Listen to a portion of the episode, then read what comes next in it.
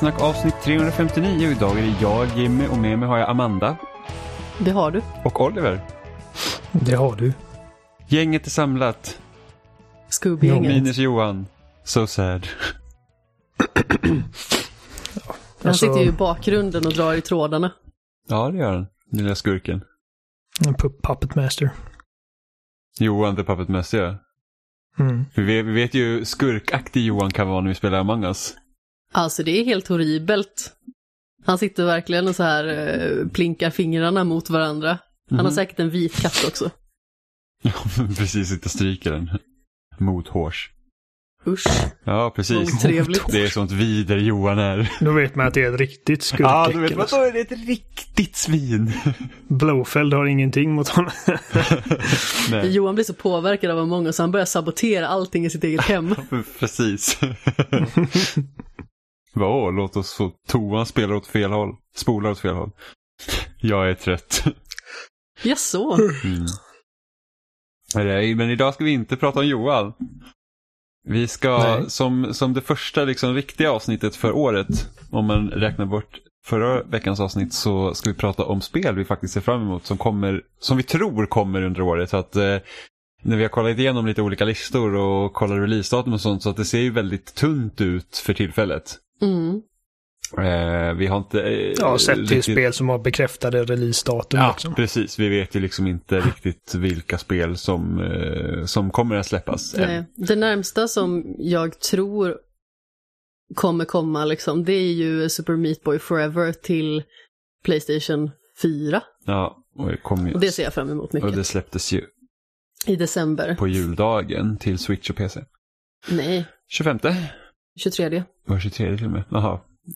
Julaftons afton. Lille julafton. Lille jul. Konstigt att säga lille jul tycker jag. Jaha. Nej, det tycker inte jag. Jag har alltid sagt det. Aldrig Men sagt eh, då släpptes det ju på Switch och PC. Ja, jag för det var 25. Vad fan kom 25 då? Det kliar på mitt ben, det är därför jag låter lite konstigt. Eh, Mhm. Vilket av dem? Låret, det högra. Jag tror att Hitman 3 är det första stora släppet i år. Och sen, Det är så, mycket möjligt. och sen vet inte jag riktigt hur det ser ut efter det. Liksom när det kommer till datum och sånt. Sitter inte du inne på all hemlig info här i världen? Nej, jag gör inte det. The Medium, Lite dåligt kan jag tycka. januari 28. Uh, Little Nightmares att 2 sitta kommer inne i februari. Mario kommer i februari. Prince of Persia kommer 18 mars. Returnal 19 mars. Monster Hunter Rise 26 mars. Outriders 1 april. Near Rep- Replicant 23 april. Deathloop Oh, just 21 det. maj. Back for Blood 2 juni. Mycket remakes och remasters.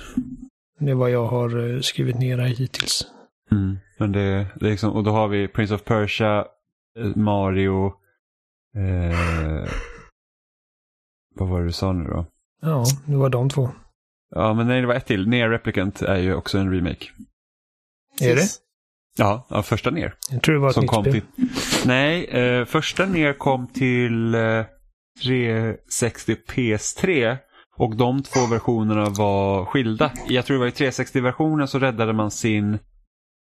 Man kan ha varit sin pappa och i PS3-versionen räddade man sin dotter. Någonting sånt var det. Så de, de versionerna Mm. skilde sig från varandra. Men jag tror att det är PS3-versionen som räknas som canon.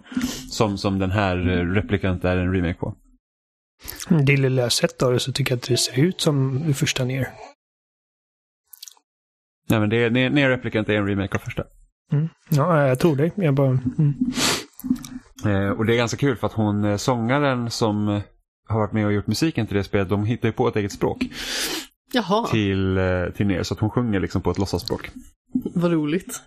Så att det, det, det är rätt häftigt faktiskt. Ja, det ser jag fram emot i alla fall. Mm, det är jag också. Faktiskt. Men eh, vi, tänkt, vi kan ju köra igång egentligen med, vi har en, vi har en tio spel på en lista som vi har tagit fram. Vi utvecklar fram och har hört långa, hårda diskussioner om vilka spel vi ser fram emot som vi tror kanske kan Mm. släppas i år. Eftersom... eh, Typ tio minuters snack. På Discord. Ja, ja precis. Det Eh, stora styrelsemötet. Ja, eh, som eh, vi tror släpps i år. Det är ju i princip det, det är ytterst få spel som är bekräftade att faktiskt komma. Eller har datum. Men vi, Ja, förklarar jag själv med tanke på att det liksom har... eh, varit en pandemi i majoriteten av förra året som liksom har påverkat samhället. Ja, så att vi Vissa av de här liksom- spelen har liksom åtminstone bekräftats för att sikta på detta året. Um, Medan andra inte har eh, liksom fått något år kopplat till det, men som vi liksom har bedömt då att det, det, det är inte helt orimligt att det kommer i år. Det är liksom... eh, ja. Sen finns det vissa grejer, alltså vi, vi, vi, vi har inte tagit med Half-Life 3 för att det är liksom, det existerar inte ens så vitt vi vet. Liksom. Det kan göra det. Ja, Men- nej, nej. Vi har sen typ så här Metro Prime Eh, 4 är ju inte med heller för att det är Metro liksom... Prime 4, ja precis. Det, Nej, vi, har, det, vi, har, vi har fått se loggan till det spelet. Så att, eh, Ja, väldigt liten chans att det kommer i år. Eh, Men resten här så har vi liksom bedömt att det, det är möjligt att de kommer, så får vi se. Alltså, jag trodde liksom att Halo Infinite skulle komma förra året. Eh, Men eh, så blev det ju inte, så att man vet aldrig. nej. Och första spelet på den här listan är då God of War Ragnarok. Vi kan ju säga Mm. att det här är utan inbördes ordning, så det Ja, är liksom precis. Vi inte en inte- topplista på något Vi vis. har inte rankat vilket Nej. vi ser mest fram emot, det är bara en lista. Det är bara en lista. Ja, så första spelet är God of War Ragnarok. Och jag börjar ju se fram emot det. Ja, för du håller på att spela eh, det, det, inte, inte första skulle jag säga, men alltså det Första förra då. snedstreck fjärde. Ja. Ja, det precis. senaste God ja. of War. God of War 2018. Precis. Ja, för, eh, Jag får nog säga liksom av, av alla de här spelen på den här listan så, så är det alltså, definitivt det här som jag ser mest framåt. För, alltså, jag, jag, jag håller fortfarande av God of War från 2018 som alltså, är en av de absolut starkaste upplevelserna i, på hela den här generationen. Jag tycker att de, de tog många risker med det IPet och allting betalade sig verkligen. Eh, det det sånt jävla imponerande spel på så många olika, på så många olika plan och eh, jag var grymt investerad i den storyn och liksom Kratos som karaktär, vilket jag trodde liksom skulle vara helt omöjligt efter den originalteologin. Eh, Jag kommer ihåg liksom- när God of War visades på E3 och mm, Och det liksom, vi visste inte riktigt detaljerna kring berättelsen utan det var typ så här att ah, men, du spelar fortfarande som Kratos och nu är det i nordisk mytologi och jag så här, jag hoppas ju att de eh, kör en reboot. Att det må fortfarande vara Mm. Kratos men liksom, det har ingenting att göra med de tidigare spelen och efter att ha spelat God of War så är det verkligen så att vilken jävla tur att de inte gjorde en reboot för att Ja. det, det bygger så mycket på att den här eh, kunskapen från de tidigare spelen och det gör, tror jag gör så att det träffar mycket hårdare. Ja, alltså jag Absolut. vet ju vad som har hänt någorlunda på ytan liksom i de tidigare spelen. Men jag har inte spelat dem.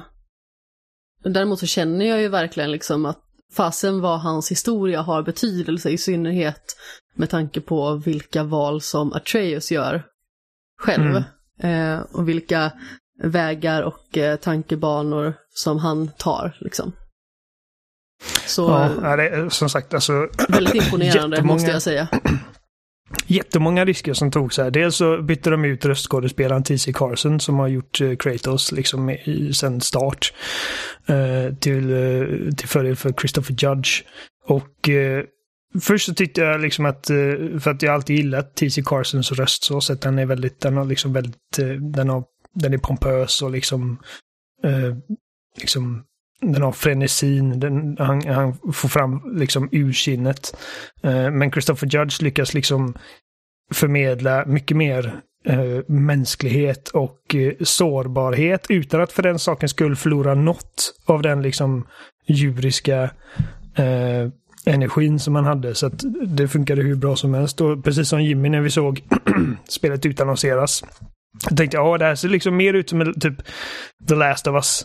Eh, typ en här, typ liksom Alltså kameran var placerad precis som den är i Last of Us och du har liksom en liten unge som följ, följer med dig. Ehm, och det är typ en resa man gör med någon som förmodligen kommer liksom betyda väldigt mycket för en i slutändan. Ehm, så att det såg ju verkligen inte ut som ett God of War-spel och jag trodde också det liksom att okej, detta är liksom en typ Alltså detta är den nordiska mytologins eh, inkarnation av Kratos. Liksom att detta är inte samma karaktär men han heter Kratos, han ser ut som Kratos. Detta är liksom eh, den nordiska mytologins version av det. Men, men som, som du säger, alltså det, det, är samma karaktär. Han har liksom flyttat sig från en del av världen till en annan. Eh, och allt det bagage som han har med sig eh, spelar liksom verkligen in i, eh, i berättelsen utan att det för den sakens skull blir alldeles för veligt eller virrigt. Och eh, det gör berättelsen bättre och eh, liksom ger ett djup till den karaktären. Som jag, som sagt, jag trodde aldrig de skulle kunna humanisera liksom Kratos efter de första tre spelen. För att uh, han går ju verkligen från ursinnig liksom där general till bara typ blodtörstig liksom madman utan några redeeming qualities i princip. Han är bara rolig att spela som för att han är, han är en force of nature i princip. Ja, men alltså som jag har förstått det utifrån vad andra har berättat så har ju hans liksom bärsärkagång i spelform nästan slutligen blivit parodisk. På grund av ja, liksom alltså, hur galet och aggressivt det är. Han mosade liksom typ eh, vanliga bönder för att de råkade vara i hans väg liksom. Alltså han, typ, han dödade allt. Och han satte på allting också. Man fick liksom så här typ erfarenhetspoäng med så här typ sex minispel. Um, ja, jag, och, jag eh, vet. Det är väldigt... Det är liksom, det är väldigt, alltså jämfört... Alltså jag skulle säga alltså originaltrilogin är liksom väldigt, väldigt vuxna spel medan detta är mycket mer mo moget spel. Det är liksom... um, Jag vet att liksom folk, eh, vissa tar lite illa upp när man säger det, liksom att den här serien växte upp med God of War 2018. Eh, ungefär som att allt innan det bara var liksom töntigt barnsligt skit. Och det, liksom, det är inte nödvändigtvis det jag säger, men det fanns liksom så här typ, om man tänker, sånt som man tyckte var coolt när man var 16 ungefär. Uh, Medans, ja, naket, tits och blod liksom. Ja men alltså det är ju precis Medans... som du sa där innan. Det var exakt det jag reflekterade över också när jag såg utannonseringen av mm. God of War 2018. Det var liksom att det kändes verkligen som en The Last of Us-ifiering av mm. en, en serie som liksom kommer någon helt annanstans ifrån. Uh, och det var ju verkligen en uh, alltså fullpoängare i det avseendet. Och jag såg ju fram emot det från början också. Och sen så eh, var God of War för mig ett spel som kom i kläm. Men eh, jag är väldigt glad att jag äntligen har tagit tag i det på riktigt. Ja, men sen också omfånget av berättelsen, liksom man tänker om tidigare, det, liksom, där hämnden liksom har legat i, i, i förgrunden. Eh, liksom att du har det första spelet där det ska hämnas på Ares och sen så liksom både tvåan och trean går ut på att utplåna resten av den grekiska mytologin i princip. Mm. Eh, och sen här i 2018-spelet är det så här att nej, men vi ska sprida min frus döda aska. Döda aska. döda, döda aska. Ja, men... Döda Min döda frus aska. Döda frus aska. Eh, så det... Precis, och han är inte intresserad av gudar. Han vill bara, liksom, han vill bara bli lämnad i fred. Ja men precis. Uh, alltså, låt mig vara, jag vill bara göra det här som var min frus typ sista önskan. Och det är väl, det är väl lite där som jag känner att det kan komma in lite risker med uppföljaren är ju det att hur mycket kommer de skala upp jämfört, för att eh, uppskalat kommer det ju förmodligen bli. Ja, eh, men hur mycket och, och liksom eh, kommer de så att de inte liksom glömmer bort det som gör 2018-spelet så himla bra. Att det liksom får vara mer personligt och det får vara mer lågmält och det behöver inte vara det här superbombastiska superspelet. Utan att spoila någonting för Amanda så kan vi lugnt säga i och med att uh, Atreus roll kommer bli mycket större ju längre in vi kommer i den här serien. Ja, absolut. Uh, och, ja, men uh, så långt har jag också kunnat uh, räkna ut det. Absolut. Mm. Uh, så att han kommer visa sig vara väldigt viktig för hela den här mytologin. Så att uh, jag tror att... Alltså för mig, jag, jag, jag är inte så rädd för att, liksom, att det ska bli för... Liksom att det ska bli jättebombastiskt. Uh, det, det känns naturligt att det kommer trappas upp. Eh, precis som det gör i liksom vilken liksom, strukturerad berättelse som helst. Jag bara hoppas att det görs på ett liksom naturligt sätt. Uh, men ja, alltså jag, jag, jag är inte jätteorolig. Jag, jag tror att jag tror det kommer bli kanon. Så det, det, det, om vi hade liksom rangordnat de här så hade detta varit på toppen av min lista. Ja, nästa spel är också ett spel för Playstation och det är Ratchet Clank. Rift mm. Apart. Det ser jag det... fram emot så otroligt mycket. Det var så länge sedan vi fick ja. ett Ratchet Clank-spel. Samma här. Uh, och detta är också liksom ganska högt upp på, på min lista. Uh, och... Uh, ja, nej. Ta över någon. Jag försöker samla mina ja. tankar. Alltså, Ratchet Clank som släpptes 2016 var ett av de första spelen som jag recenserade. Och jag var väldigt exalterad över det, för det kändes liksom som ett eh, ganska så stort spelsläpp. Och dessutom så var Ratchet Clank någonting som jag hade slukat med hull och hår innan jag blev spelskribent överhuvudtaget.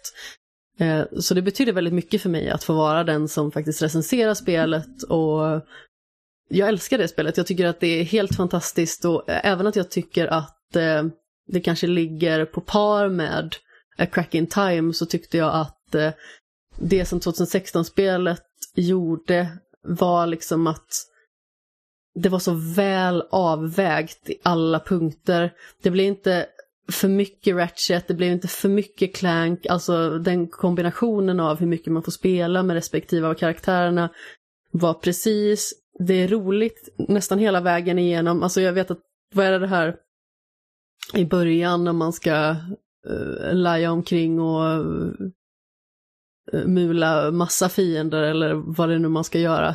Jag får med att det är liksom någonting ganska så tidigt som är inte jätteroligt, men för övrigt så är det liksom ett kanonroligt spel. Eh, och, och, det som Insomniac, eh, jag kan inte prata, det som Insomniac gör så himla bra, alltså precis som de också har visat med eh, de nya Spiderman-spelen, det är liksom hur, hur kreativa de är med att skapa vapen, att eh, skapa manicker mm. som karaktärerna kan använda och liksom hur man får använda dem, det är det som gör spelet så skoj, för man kan verkligen skräddarsy sin upplevelse kring det och är man en person som tycker att det är roligt att kasta fusionsgranater, då kanske man vill lägga mer krut på det, eller om man gillar eldkastare eller vad det nu kan vara. Det finns himla mycket tokigheter som man kan spinna vidare på om man blir hela tiden underhållen som spelare. Men jag tror också att det som är så intressant egentligen med de här, alltså man tänker nu både God of War och Ratchet Clank, att de två spelen är ju på så olika, alltså de är på var, varsin sida om spektrat liksom. God of War visar på något sätt typ den nya ska man säga, skolans spel. Liksom att man, lite mer seriösa, ja, men lite allvarliga. Mer, inte bara lite mer seriösa utan också det för att Ratchet Clank kom liksom på PS2-tiden och liksom, då var det mycket vanligare att den här typen av spel existerade. Alltså, av någon anledning så är typ barn... Ja, men inte bara det. Jag tycker att barn som liksom målgrupp för spel är nästan lite bortglömda när, när, liksom, när vi pratar om spel idag. Mm. Det, det är liksom, nu har vi typ, jag vet att det kom ut någon artikel här i veckan att det är Roblox som är så här ett typ kreativt verktyg i spelform från typ 2006. Alltså det företaget är ju liksom typ det tredje största i världen, alltså som gör spel. Ja, no, no... Vad jag har förstått så älskar ju barn det. Ja, ja, för det omsätter helt sjuka pengar liksom och, och det, det, fokuserar sig specifikt liksom på barn. Mm. Eh, och, och, och det är liksom när vi växte upp så var det också vanligt att ha lite mer, och det, det, tror jag mycket kan bero också på tekniska begränsningar, att det är lättare att göra kanske lite roligare former och sånt i tv-spelen än att försöka göra realistiska karaktärer för att det ser ut som skit. Eh, på typ ja. tidigare liksom hårdvara. Ja men så tar man och kollar tillbaka på Final Fantasy 7 som liksom i grunden är ett fantastiskt spel. Alltså det är ju inte så jättefagert alltså om man kollar på karaktärerna. Nej, och det, det liksom, om man jämför Final Fantasy 7, hur det ser ut, alltså även konceptarten från det från 97 och jämför det med, med remaken så är det mm. liksom, det har ju mycket mer vad ska man säga, barnvänligare utseende, eller barnsligt utseende. Mm. Eh, mm. och, och, Även att det händer allvarliga saker. Ja, och, och det är så kul med Ratchet Clank för att det liksom kommer då från en era där liksom det fick vara lite mer glatt, det fick vara lite mer eh, liksom knasigt. Ja, tossigt ja, vill jag för, säga. För att jag minns det när jag började liksom läsa Superplay någon gång på början av 2000-talet, där jag började liksom prenumerera och det var liksom så här att när Ratchet Clank-spelen kom ut då var det så här, ah, vad är det för nya roliga kreativa vapen som vi ska få, få liksom använda? Och jag kommer ihåg att Jack and Daxter kom ju också ut i, liksom i den. Och Jack and Daxter är då utvecklad av Naughty Dog som har gjort Uncharted och Last of Us. Så man ser ju liksom vilken riktning den studien har tagit. Eh, att, att liksom det får också bara vara kul om man vill det. Eh, och det, det, tycker jag är väldigt uppfriskande med Ratchet Clank för att jag har inte spelat, alltså det enda spelet jag har spelat i Ratchet Clank det är det första på Playstation 2 och det kom jag inte särskilt långt i för jag hade inget minneskort vid det tillfället. Eh, och remaken av det spelet då till PS4. Eh, så att ibland vill man ju bara känna att man får ha ett, ett, ett, ett spel som inte riktigt ta sig själv på så stort allvar. Ja, men precis. Att det, är så att det här är bara kul. Eh, och det är ju så kul med Insomniac också att de har då Spiderman och Ratchet Clank. Att då, det är liksom en styr, för att, för att Spiderman ska man ju då kunna säga liksom tillhör mer den här nya nya eran, nu är inte så nytt längre, men liksom den, den, här grenen av spelande som, som, som God of War kanske representerar och sen har de också Ratchet Clank så får vara lite mer den här barnsligare, mm. eh, tossiga spelserien. Ja, men alltså, det som är grejen med typ Spiderman och Ratchet Clank, det är ju liksom att de är i grunden alltså samma sak. De utgår ifrån att liksom det man gör rent spelmekaniskt och eh, vad man använder för manicker i världen. Så allting ska alltid vara roligt och exalterande. Men sen så går ju Ratchet Clank mer på knasighetsbanan och Spiderman går mer på allvarlighetsbanan. Alltså i, i det avseendet då.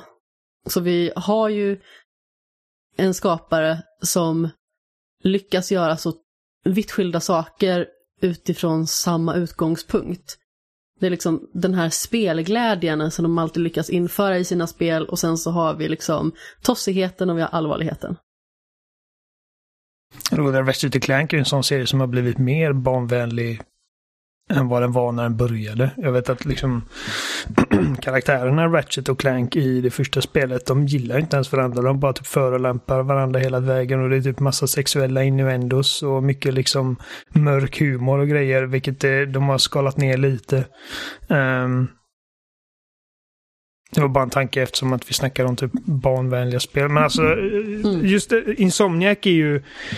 Alltså de är ju kända för liksom roliga, som du sa, vapen och manicker och grejer.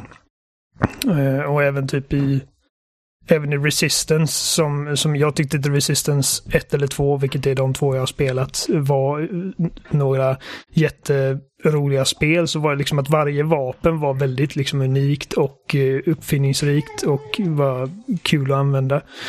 Um, så och liksom de hade, I varje Resident Clank Bay som har de också liksom sådana här stora arsenaler och bara riktigt jävla outlandish och cartoony skit eh, fantasifulla vapen. Så att jag ser fram emot det och jag ser fram emot att, eh, att få känna, liksom, känna de här vapnen med DualSense-kontrollen. Och, eh, och det här spelet är också liksom, alltså, det är ju Alltså, rent spelmässigt så okej, okay, det blir liksom mer Ratchet Clank. Jag tycker om Ratchet Clank eh, väldigt mycket. Men på ett rent tekniskt plan är det det som liksom gör mig riktigt uppspelt för det. För att det är liksom till skillnad från Spiderman, Miles Morales eller liksom som Horizon som kommer senare. Eh, är att det här är liksom, detta är PS5. Det, det kommer inte till PS4 och det, det gör också att liksom det här spelet kan designas för att verkligen dra nytta av hårdvaran. För att hela den här grejen med Rift Apart, att de hoppar mellan dimensioner och grejer, det, det bygger ju på att de nu har den här SSD-hårddisken som gör att man snabbt kan liksom byta miljöer på bara ett ögonblick. Ehm, vi får se liksom hur djupt de tar den, eh, liksom den spelmekaniken i spelet. För att hittills så vad vi sett så ser det mest ut som att det används som en typ glorifierad hookshot. Att man liksom drar sig fram på, till, eh, till, eh, från en plats till en annan i samma rum väldigt snabbt. Men äh, bara det, ja, som sagt, att, att, att det inte är liksom ett crossgen-spel gör mig eh, mer sugen på det än vad jag hade varit ifall det var ett crossgen-spel. Jag hoppas ju bara att vi har lyckats få tag i en PS5 innan det släpps. Ja, jag hoppas det också. För det är ju liksom, det är där vi sitter just nu. För jag känner att det här är det spelet. Alltså hade det här kommit på launch till PS5 så hade jag ju varit väldigt ledsen över att vi inte hade fått en maskin. Mm. Eh, även om jag också vill spela Demon Souls, men det är liksom Ratchet Clank. Jag kommer ihåg när, vi, när de visade på Sonys eh, konferens där i somras. Det var liksom så att det här är liksom första spelet man känner så att wow, det här är imponerande, det här kan inte göras på dagens hårdvara. Ja, men precis. Och jag känner mig väldigt exalterad också, men det är precis som du sa innan Oliver, det är liksom ett ganska så barnvänligt spel. Eller i alla fall de tidigare titlarna har ju varit det. Och det är också en ganska så viktig punkt i det hela. Det här är liksom ett spel som när, när folk som har barn frågar mig vad ska jag spela på min PS4, då brukar jag rekommendera Ratchet Clank. För att mm. det kan liksom en förälder som gillar spel spela med sitt barn eh, och fortfarande ha roligt. Och barnet har också roligt. För mm. att det är tossigt och det är knasigt. Så det är ju det som är det fina med det, liksom att jag som är 28 år gammal älskar det här spelet. Men någon som är åtta år gammal älskar förmodligen också spelet. Så det är viktigt att man faktiskt eh, beaktar att det finns eh, den typen av titlar fortfarande. För det känns som att det är väldigt tydliga läger annars. Vi har liksom så här, God of War, Horizon.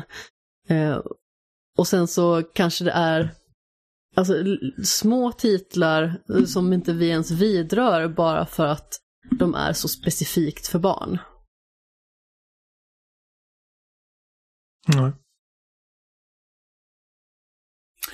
Eh, då har ja. vi kommit fram till nästa spel i vår lista då. Det här är ett spel som skulle ha släppts eh, förra året egentligen och det här är väl Microsofts stora titel för 2021. Eh, och den enda titeln som vi liksom med säkerhet kan säga att eh, kommer till Xboxen det. under det här året, vad vi vet. Eh, och det är Halo Infinite. Och både du och jag, Oliver, är jättestora Halo-fans. Verkligen. Ja, alltså, definitivt. Under de sen, alltså, vi spelar ju säkert om Halo-spelen typ två gånger om året. De senaste ja, åren. Ja, hela serien.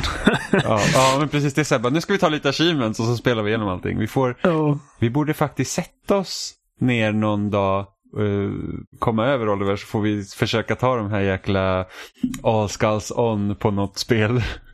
Ja, gud. Alltså, det är möjligt.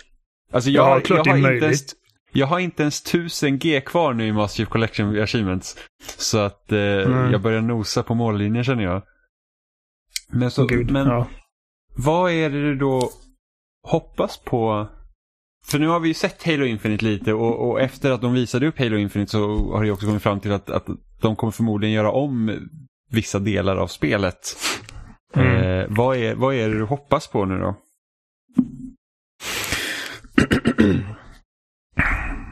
Alltså, det, ja, alltså jag, jag, jag bara hoppas att nästa gång vi ser det så ser det ut som någonting som hör hemma på en ny konsol. Uh, för att när vi, när vi såg det första gången så såg det väldigt bara platt och washed out och bara liksom tråkigt ut. Alltså bara på ett rent tekniskt plan. För att alltså när man kollar på den demo vi fick rent gameplaymässigt så ser det ut som Halo liksom. Det, det, uh, det, jag, tror att, jag tror att tanken var att det skulle liksom få en att tänka tillbaka på första gången man satte eh, liksom foten på Halo-ringen i första spelet. Vilket liksom till viss del så, så är det precis vad de får mig att tänka på. Liksom att uh, detta är en ny spännande uh, miljö att utforska. För att de har ju öppnat upp det väldigt mycket för liksom och man får förmoda att de inte um, ska man säga, liksom att, att det, det kommer fortfarande vara så när det släpps att det fortfarande är liksom typ de största banorna. Uh, jag vet inte ifall det är liksom är det en helt va, öppen värld som aldrig vad förändras? Förstod, eller? Vad jag förstod av uh, det som kom ut efter intervjuer efter visningen så var det att du kan gå från Liksom när, när du väl kommer då till typ det sista uppdraget så kan du gå tillbaks till början om du vill. Mm. Eh, så att, så att du, du har fortfarande de här linjära uppdragen om du väljer att spela så. Men du kan också liksom verka röra sig fritt genom hela ringen om du också vill. Eh, sen vet ju inte jag hur, vad som stämmer eller inte eller om det är liksom att no, det är liksom kanske förhoppningar att det ska bli så eller hur det kommer se ut. Men det, det, är, så, det är i alla fall min uppfattning om att det skulle vara så. Mm. Eh, vilket, vilket gör för att jag hade ju hoppats på att det här skulle vara, och det här har jag hoppats på sen typ Halo 4, är ju det att de skulle försöka göra någon form av Metroidvania av Halo. För att Speciellt när fyran visade så bara, ja men det kommer utspela sig på den här planeten och så bara okej okay, men då kan man göra så att man, man liksom eh, färdas genom olika delar på planeten och, och liksom öppnar upp nya vägar och hittar kanske nya förmågor och sånt som inkorporeras i dräkten. Så att man kan öppna nya vägar senare i delar av spelet, typ Metroid Prime liksom. Eh, och när eh, efter God of War nu när de gjorde rebooten på den typ så, så kändes det att okej okay, men det är ju någonting också vi har pratat om tidigare att Halo behöver också liksom förnyas. Det behöver komma lite andra idéer. Liksom, visst, Halo är skitkul som det är men, men om serien ska liksom få bli liksom större igen så krävs det liksom att man, man fångar in en ny publik och att man liksom gör någonting som får allmänheten liksom spänd över, över nästa spel. Och det känner jag att det, det skulle verkligen rucka upp på hela liksom, spelserien om man väljer att göra det liksom typ semiöppet och, och, och, att man liksom kan undersöka då. För att de delarna finns ju i första Halo till exempel, även om de banorna inte är lika stora som förmodligen det här kommer vara. Men det var ju så att oh, man kan ta objekten lite i olika ordning och det känns liksom som att man utforskar ringen, även om man egentligen inte gör det för det är ganska små banor egentligen. Eh, så kändes det ändå som att man liksom upptäcker kartan. Eh, och det är väl det jag önskar att de skulle göra. För att så som jag förstod det här med de här, typ, det finns typ sidouppdrag, man kan gå liksom om man väljer att gå utanför den linjära delen och, och, och, och det för ju med tankarna typ till hur Gears 5 var. Att, liksom att du har öppna kartor och sen så går du gå hit, jag här gör något uppdrag som egentligen inte betyder någonting. Eh, mm. Och det tycker jag är rätt så tråkigt. För det, det, liksom, det ändrar ju egentligen ingenting i grunden. Det lägger bara till en extra del som nästan känns som att åh, här har vi mer innehåll för sakens skull. Snarare än att det är faktiskt någonting som fördjupar upplevelsen. För det är så jag känner med GS5. Det är det att alla de här sidogrejerna man kan göra det och även om du hittar uppgraderingar till den här roboten och sånt så, så det är ju kul men när man spelar om det och säger att det här gör ju absolut ingenting. Liksom, det, här, det här spelar ju ingen roll. Så att jag hoppas verkligen att, att det, det, det liksom blir på den vägen att, att alla sidoaktiviteter då som kommer existera i spelet faktiskt fördjupar upplevelsen snarare än att bara göra mer helt enkelt. Ja, det är, det är lättare för mig att säga liksom vad jag inte vill att det ska bli snarare än vad jag vill att det ska bli. För att eh, det får inte bli en sån jävla Alltså alla de här eh, fallgroparna som man har i typ open world-spel. Liksom att oh, det, du har en liten ikon här, går dit och så typ får du något obetydligt skit som inte gör någon större skillnad för dig i slutändan. Och typ, ja, här ligger en DMR med ett speciellt mönster på en sån här skit. Uh, ja, nej men precis. Då är det uh, roligare att hitta liksom så en uppgradering till sin DMR då som ändrar vapnet. I grunden i så fall. Även om det är en jäkligt risky väg att ta då för Halo-puritaner då.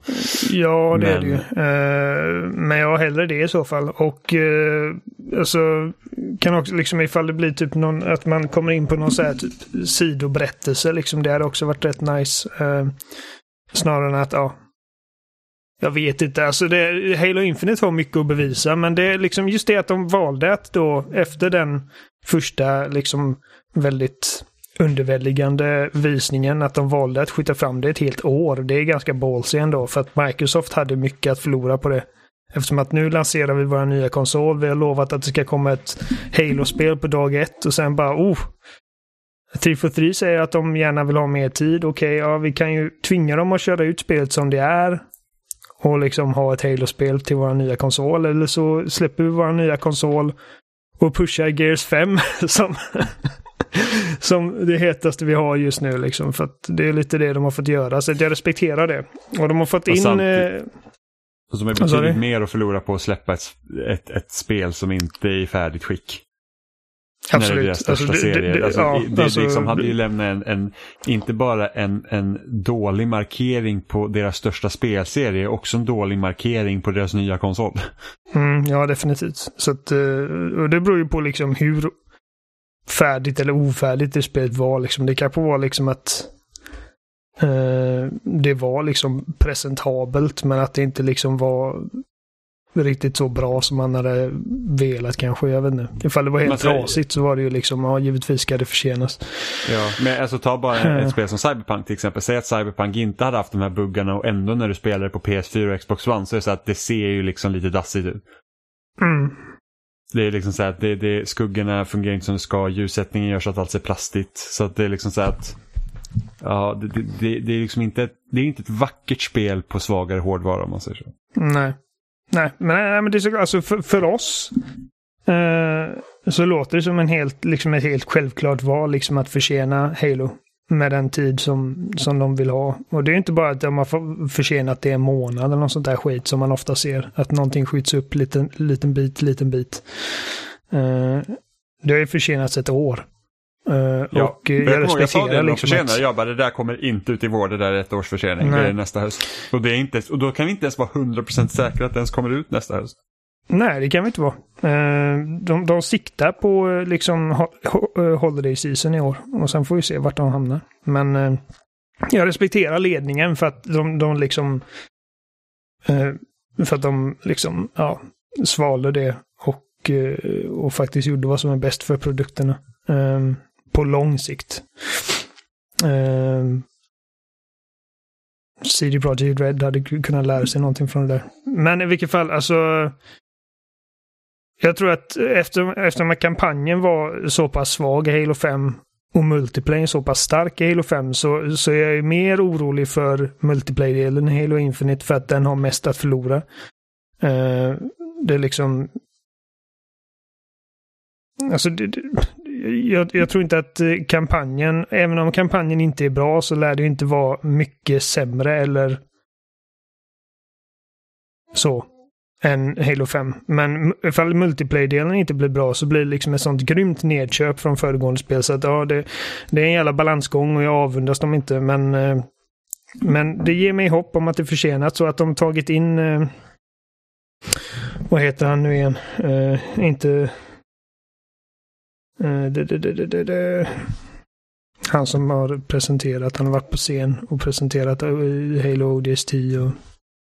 Ja, jag minns inte. En gammal Bungie-veteran i alla fall. Uh...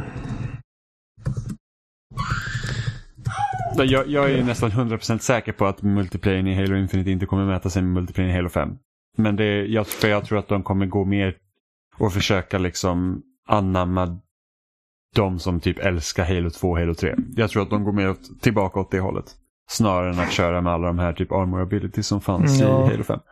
Som gjorde att det Joseph gameplayet var så himla... Staten heter han. Ja, precis. Eh, som, som var, gjorde att det gameplayet var, typ... var så himla snabbt. Jag tror att han var typ uh, lead writer eller någonting från föregående, alltså i Bungie-spelen. Uh, och han är ju project lead nu. Så att, uh, alltså serien är ju i goda händer.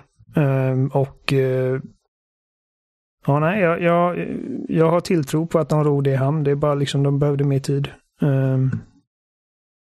Och jag, jag, håller med dig, alltså jag har svårt, alltså för just det här med, med alla armor abilities och grejer. Um, eller Spartan abilities som de kallar det i Halo 5. Um, istället för att göra som de hade i Halo Reach och Halo 4. Där man har liksom en loadout och liksom att en spelare väljer att köra det och en annan spelare väljer att köra det. Så har liksom att alla spelare har alla de här abilitiesarna och de är liksom väl avvägda och de funkar tillsammans. Och man kan liksom använda de olika förmågorna för att liksom göra jävligt coola grejer och spela väldigt liksom smarta plays. Um, jag vet att det är inte alla som har varit jätteförtjusta i det. Jag vet att det fortfarande finns folk som säger åh, de har fortfarande sprint, då köper jag det inte, vilket jag tycker är så jävla bakåtsträvande. Um, men uh, vi såg i alla fall i kampanj, eh, kampanjdem de hade att vissa av de här grejerna kommer. De har ju sprint, de har clamber, Um... Mm. Men jag kan fortfarande tänka mig att det är en sån här grej som att multiplayer kan nästan kännas separat mot det. Så att även om ja, ser det, i kampanjen det så kan man inte lite vara 100% också från, säker att det existerar i multiplayer. Nej, det stärks ju också lite av att uh, multiplayer är liksom som en free to play. Um... Det kommer säkert vara en massa battle pass och att du ska spela säsonger. Ja, och du ska det, det gör mig lite... Ja, för det, det är typ... Det är en av anledningarna till att jag inte orkar liksom med Gears. Det är för att jag inte känner mig tvingad att spela. Du vet, så att jag känner att oh, det ska inte vara ett arbete, att jag måste liksom levla upp mig och få alla de här grejerna. Nej, jag menar det var ju något skin där som jag ville ha på launchperioden men jag orkade liksom inte grinda för att få det och nu när nästa säsong kommer igång så kan jag inte längre låsa upp det och då blir jag bara så jävla, oh, fan. Ja, ja men då blir ja. man lite så här, oh. Uh, nej, så att uh, ja, uh, vi får se. Jag, jag, ser fram emot det för att det är Halo. Jag älskar Halo. Jag kommer alltid älska Halo. så att... bara att de, de har haft lite så identitetsproblem de senaste åren. så jag hoppas att de kommer underfund med allt det där. Och det, som sagt, de har liksom olika typer av fans som de måste som de måste försöka hålla inne. För det finns ju de här liksom puristerna som bara vill ha Halo 2. Eh, och, inte, och inte intresserade av någonting annat. Och sen då som vi som eh, har gillat vad de har gjort på senare år. Men eh, ja, det ska bli intressant att se. Jag har ju lovat Jimmy att vi ska spela igenom alla Halo-spel. Så det får väl mm. bli snart då antar jag. Ja. Eh, utan, ja. Från ett, ett, spel till ett annat så har vi Arcanes nya spel som är Deathloop. Yes. Och Arcane är så jävla bra. Ja, Arcane är faktiskt jätte, jättebra. Det är, det är en riktigt Älskar bra spel. Jag har, inte, jag har inte spelat ett enda dåligt spel från Arcane. Uh, Dishonored var, var inte så här kärlek för första ögonkastet för mig. Jag gillar designen väldigt mycket. Men uh, jag kommer ihåg att jag lånade spelet av dig när du var hemma hos mig någon gång. Uh, och spelade lite grann. Jag liksom fick inte riktigt uh, fotfäste i det. Ehm. och sen köpte jag Definitive Edition.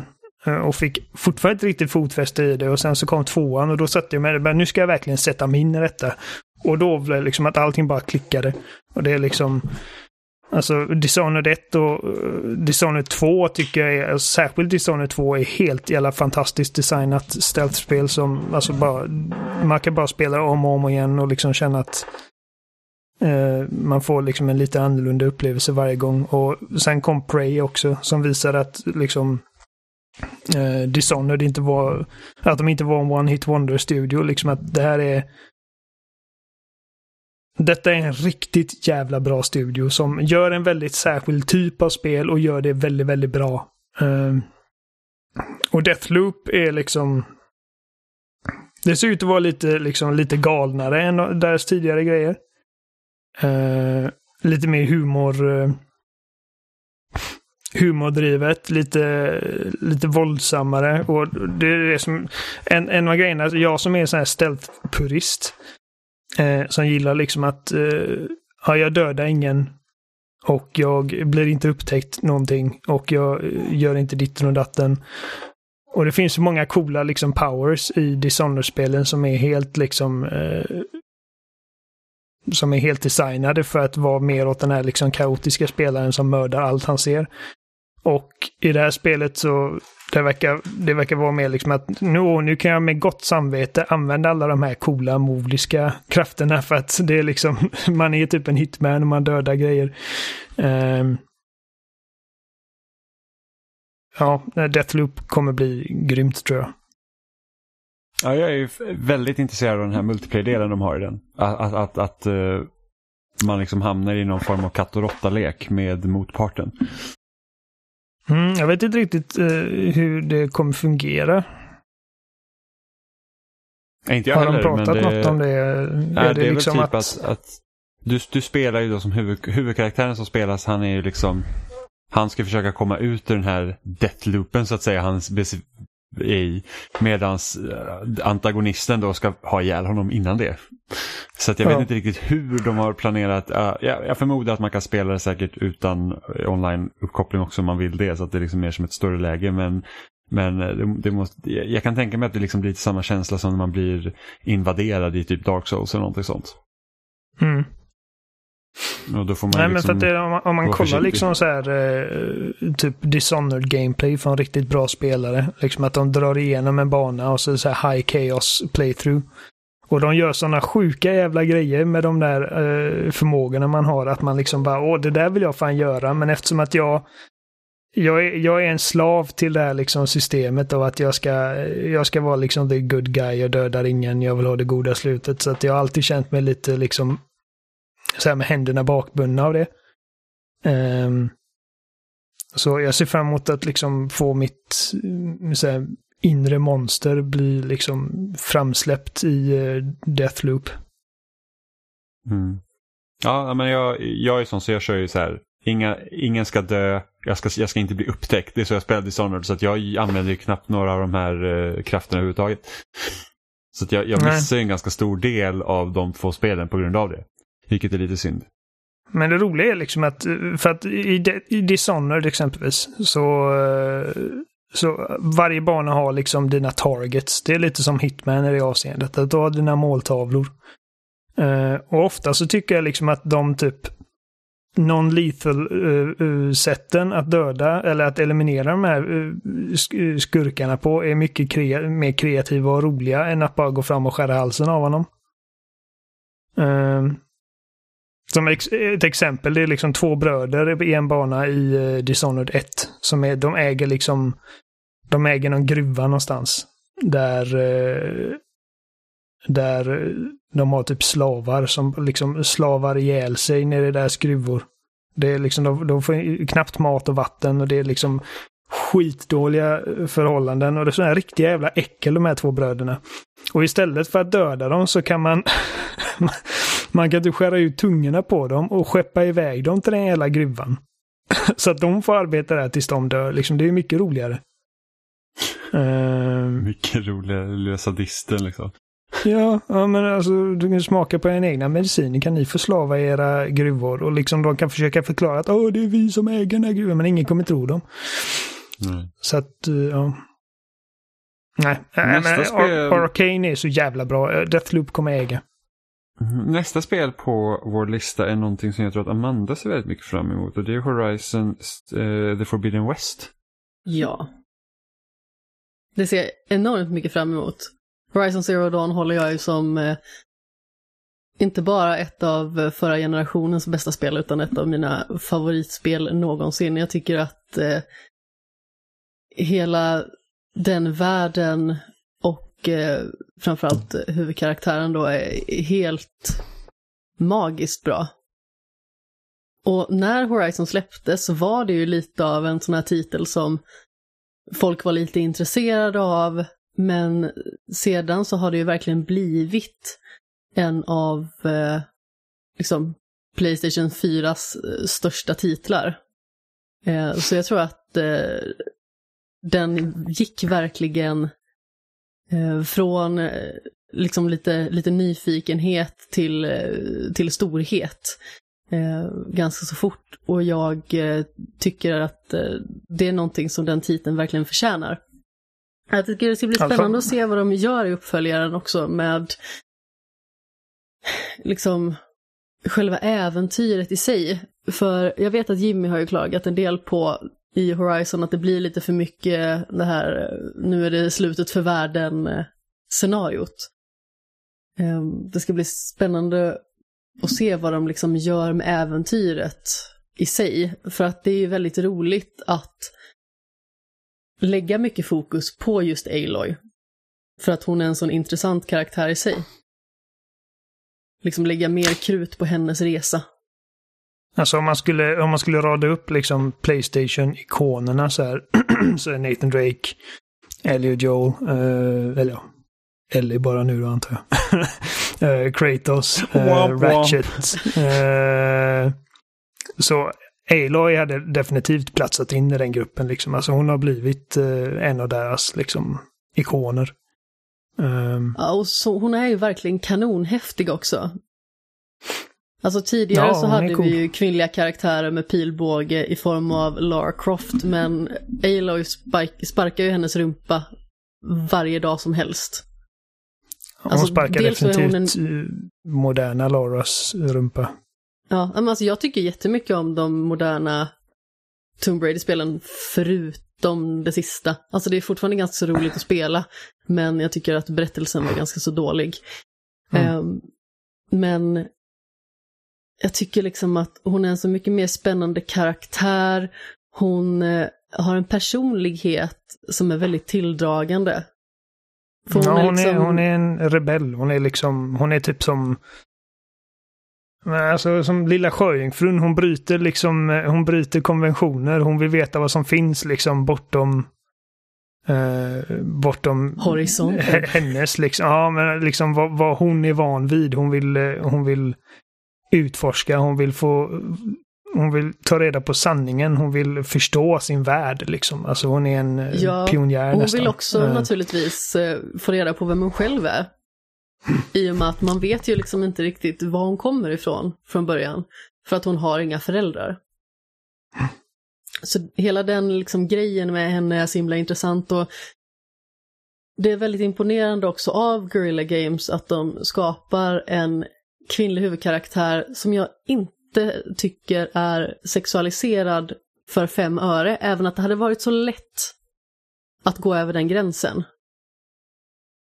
Jag menar med höftskynken och eh, jag vet inte, eh, krigs-bhar och fasen och hans moster liksom. Det hade varit så lätt att gå över den gränsen. Men sen så, hennes karaktär tillåter inte det att hända heller. Om man säger så. För att hon har ett sätt att se på världen som är så annorlunda i relation till många andra karaktärer. Alltså det är ju liksom karaktärer i första spelet som stöter på henne. Och hon är typ helt ovetande och bara avvisar dem på ett så snyggt vis. Det är väldigt roligt. mm, så jag älskar henne som är- karaktär, Aloy och det är ska bli kul att- och, eh, Det skulle kul att komma ut på äventyr med henne igen. Mm, ja, det ska bli kul att spela Besöka 2. världen. Jag, eh, alltså jag tyckte väldigt mycket om första spelet också. Jag, eh, jag tycker att det, det främst, det, det är ju Aloy och jag tycker att världen i sig är bara så intressant för att det känns som att det, det, det finns så mycket bakgrundshistoria att upptäcka där. Eh, jag tycker att eh, liksom fiendedesignen är jävligt cool med robotdinosaurierna och eh, sättet som de striderna urartar sig är liksom, det är väl typ det som får Horizon att stå ut mest från andra så här open world-spel är att eh, liksom att, att gå upp mot en uh, Thunderjaw eller vad de heter i, eh, i Horizon är inte som någon annan strid i något annat open world-spel nödvändigtvis.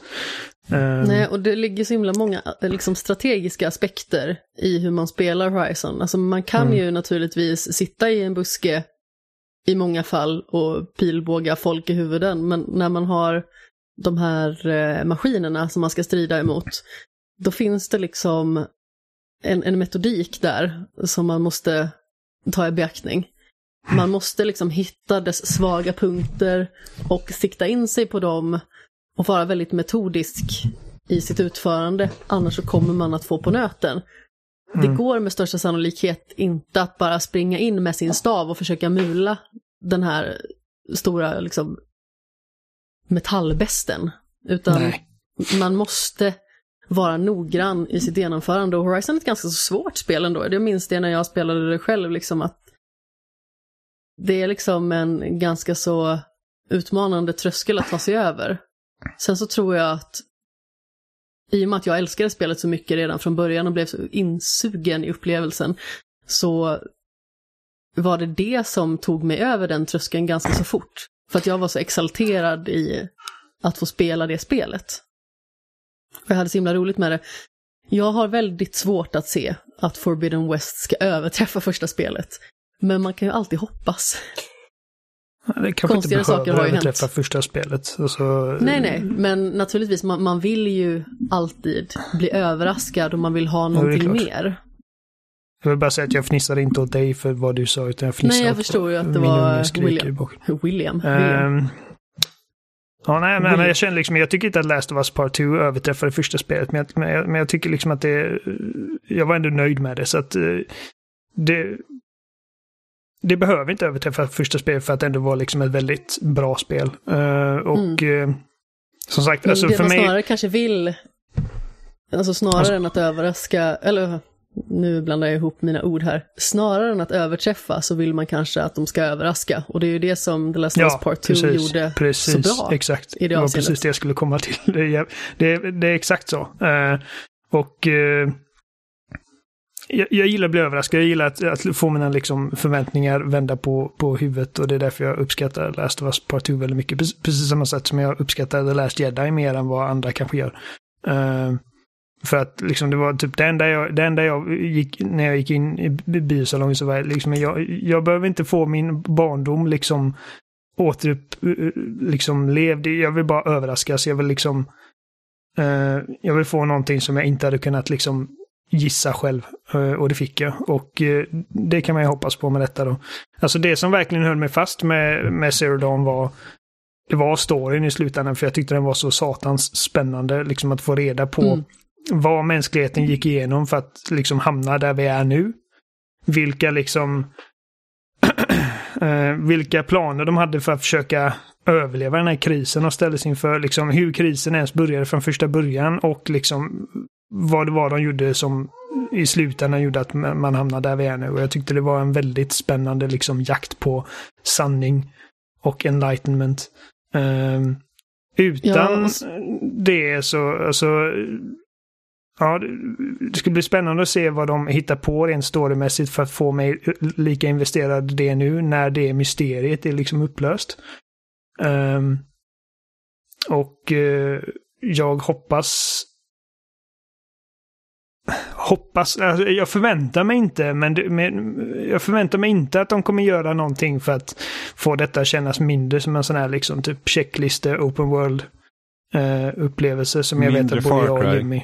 Ja, precis. Någonting som både jag och Jimmy, jag vet att jag vet att det är trist att vi bara klagar hela tiden, men alltså det, det är liksom det är den absolut största grejen som håller tillbaka Horizon för mig.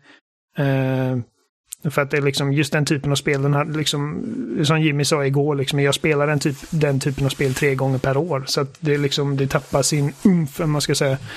Uh, så, och eftersom att det är någon sorts standardmall så förväntar jag mig inte att vi kommer få se dem göra någonting för att liksom ändra det. Men det vore väldigt trevligt om de gjorde det. Ehm, um, eller som i alla fall gjorde något annorlunda med det. Jag tror att Breath of the Wild kan ha haft ganska stor påverkan på uppföljaren. Jag tror att det kommer vara betydligt lättare att ta sig runt i världen. Jag tror inte att du blir begränsad lika mycket. För, att, för att det, det, var ju en sak som blev tokigt när jag spelade det här spelet. Jag spelade Breath of the Wild först och sen Horizon och jag gick från ett spel där jag kunde klättra upp och gå vart jag ville i princip till att vara så att du måste ta den här stigen nu om du ska komma upp på det här berget. Eh, mm. Så jag tror att jag tror även att framkomligheten kommer vara mycket lättare vilket kommer göra att det kommer kännas mycket bättre Det hade gjort mycket runt. för den upplevelsen. Alltså, ifall, yeah. ifall bara en sån sak som man, att man liksom är mycket friare i typ vad man kan klättra på och, och sådana grejer. Och liksom, alltså Horizon, var, det levde också väldigt mycket på att det var så satans jävla vackert. Alltså rent tekniskt är det liksom ett, ett mästerverk i princip. Absolut. Um, och uh, jag, jag tror att jag tror att om det är en enda grej som jag är lite orolig för så är det för att återigen, detta är liksom ett, ett cross-gen-spel och jag undrar liksom hur, vilka, vilka eh, ska man säga, kompromisser man har behövt göra för att få liksom grunden till det här spelet att fungera både på en PS4 och en PS5. För att eh, jag kommer ihåg eh, när jag spelade detta första spelet så, så tänkte jag liksom varför kan jag inte hacka en en, eh, en av de här flygande robotarna och flyga runt istället. För det hade varit så jävla coolt. Uh, oh. Uh, ja. Vilket jag sen fick reda liksom, jag, jag tror det var i Noclips uh, vet det, eh, dokumentär där de snackar lite om det. Liksom att vi lekte med den tanken men, men eh, liksom eh, den, eh, ska man säga, Uh, hårddisken är inte stark nog liksom för att det, det, det hade krävt att vi, vi målar upp mycket mer av världen på samma gång. Och det finns inte tillräckligt mycket minne för det, vilket är liksom ett problem som de har löst med PS5. Så det säger mig ändå liksom att det är sådana liksom kompromisser de kommer behöva få göra. Sådana grejer som de inte kommer kunna realisera bara för att det ska kunna fungera på PS4, vilket gör mig lite... Men sen kan det hända, de kanske liksom har uh, kunnat lösa det på något sätt. Eh, så att det faktiskt fungerar. Jag vet inte, så vi får se. Jag... Jag tror första Battlefield när de skulle komma på hur de skulle kunna hantera plan på det så var det att när, de, när man flög upp i ett plan så målade de upp typ en 2D-karta under planet av något slag. Som, som simulerade kartan under. Mm. För att det skulle funka, kommer jag ihåg. Ja. Det, det, det, var ett väldigt krux att få, få flygplan att fungera i Battlefield 1942. Nej, så att kom, alltså, Gorilla är, alltså, de är, de är riktigt bra på liksom, teknik så att det, jag tänker inte säga att det är omöjligt för dem att liksom, komma på någon form av lösning för det. Men liksom, det, det är någonting som jag oundvikligen kommer tänka liksom, när jag spelar detta. Uh, och jag känner liksom varför kan jag inte göra så här? Och då kommer det liksom ligga i bak, liksom bakhuvudet på mig att ah, det är för att det, det är ett PS4-spel. Som är typ eh, uppskalat till PS5. Vilket jag, ja. Jag är så sugen på att spela om första Horizon. Alltså, det bara kliar i fingrarna samtidigt så har jag en massa andra spel som jag också vill spela. Så då Mm. tänker jag liksom att ja, men det får stryka på foten för det är ju trots allt något som jag redan har upplevt. Men ah. Som sagt, det kliar i fingrarna rätt så rejält. Jag hade så himla roligt med det. Mm, nej, men det, ja. Eh, Jag jag tror att alltså det, det är väl tydligt att av, oss tre så är du det största fanet av, av uh, Zero Dawn. Men jag tycker också väldigt mycket om det. Eh, så att uh, alltså Horizon 2 är dag ett, utan tvekan. Mm. Och Jimmy är väl den som är störst fan av uh, föregångaren till nästa spel på listan. Ja, jag tänker Breath of the Wild 2. Åh, Mm. vilket sammanträffande att du skulle nämna det. Ja, eller hur? eller hur?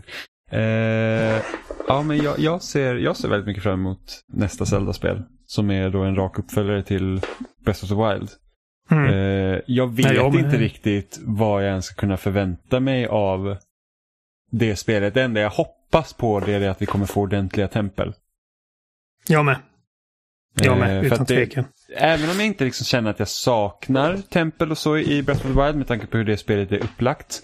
Eh, Jag tycker det funkar väldigt bra med de här shrinesen och att Nintendo verkligen kör det hårt på att fokusera på upptäckande snarare än att du liksom är fast på, på ett visst ställe en längre tid.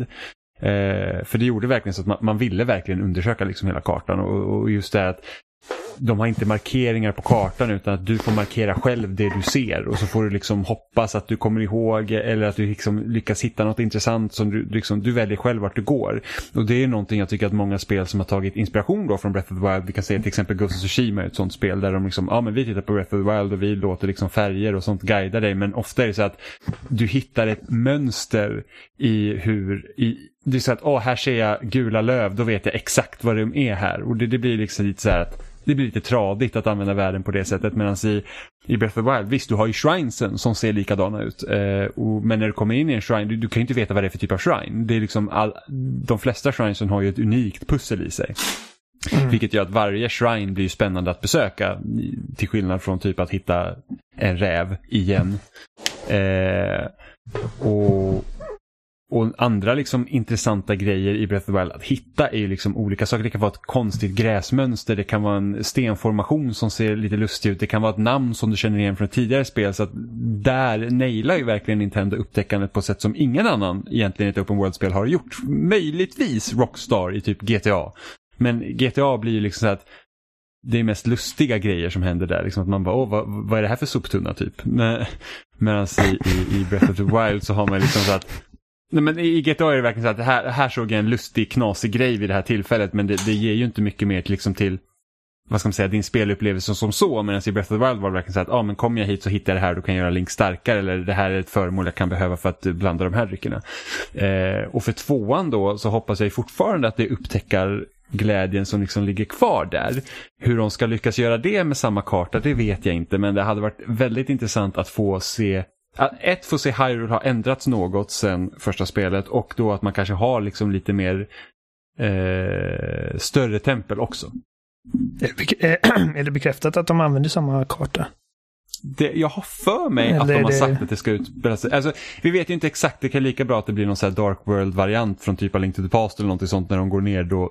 Jag antar att den monstret vi ser i första trailern när de går under där är ju någon form av eh, kan ju öppna upp en portal till vad som helst. Men jag har för mig att de har sagt att det är liksom att, de, att det ska vara använda samma karta. Till vilken grad vet jag inte. A Mm. Link to the Wild.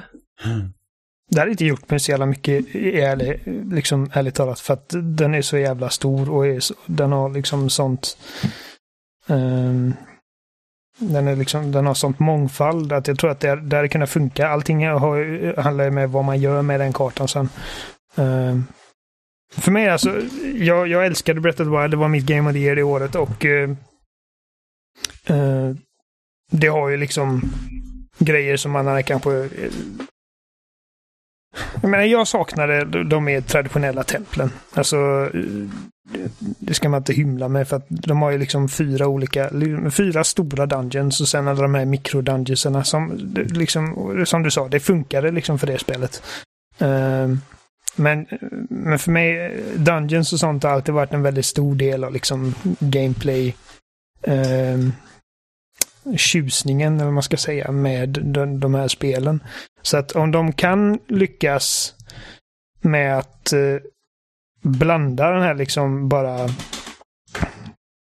utforskardrivna eh, systematiska, liksom att eh, Ja, att, att det är jag som driver liksom utforskandet. Att jag, jag liksom inte jagar pluppar på någon karta utan att jag upptäcker kartan helt organiskt själv. Eh, och kombinera det med liksom mer traditionella dungeons som faktiskt är liksom tematiskt annorlunda från andra. Eh, jag skulle faktiskt kunna tänka mig att det inte är tempel i form av typ alltså hus. Utan att det, liksom, det kan vara grottor som gömmer sig under Hyrule. Det kan det vara, ja precis. Ja, men alltså, ifall de vill göra det så, så löser de det. Det är liksom... Eh, det, ja.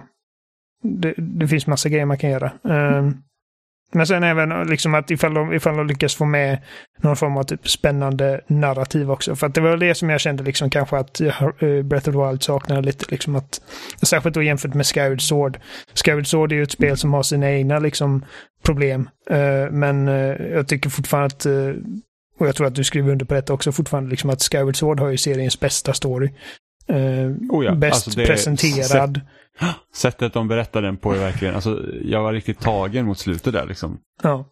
När man liksom att, till och med eh, känner sig typ rörd över svärdet som har typ stört den under hela resans gång som i alla fall lyckats med någonting. Nej, så att om de lyckas få med de tre grejerna, liksom traditionella dungeons, är liksom ett, ett, ett spännande narrativ eh, som faktiskt genomsyrar spelet utan att för den sakens skull eh, gå ut över liksom den här typ eh, sanslöst bra upptäckaraspekten av spelet så, så kan det bli hur bra som helst. Mm. Och nästa spel i listan är också ett spel, eller en serie som har ändrats många gånger och det är ju Resident Evil uh, Village. Även kallat till folkmun som Resident Evil 8. Uh, Alltså om, om, om vi skulle rangordna listan så är God of War på första plats. Jag tror detta är på andra plats för mig just nu. Så mycket ser jag fram emot Resident Evil 8. För att alltså Resident Evil 7. Jag älskar Resident Evil 7. Jag tycker att eh, de gjorde precis vad, vad den serien behövde med det spelet. Och även om det också givetvis inte är helt perfekt. Jag, menar, jag, jag uttalar mig om att den här båtdelen är liksom den absolut sämsta delen i spelet.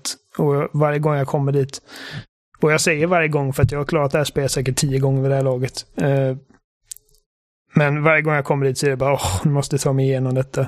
Men på det stora hela så är Resident Evil 7 bara så fruktansvärt jävla bra. Och liksom, särskilt med tanke på när man sätter det i kontext med liksom vart i Resident Evil-serien det hamnade. Eh, efter Resident Evil 6 som är liksom bara typ en stor Michael Bay-fest med explosioner och liksom ingenting om vad jag förälskade mig i med serien för, liksom från första början. Till att liksom återgå då till... Alltså det lättaste sättet att beskriva det på, och jag har beskrivit det på det här sättet förut, liksom att det, detta är Resident Evil 1 om det gjordes 2017 liksom.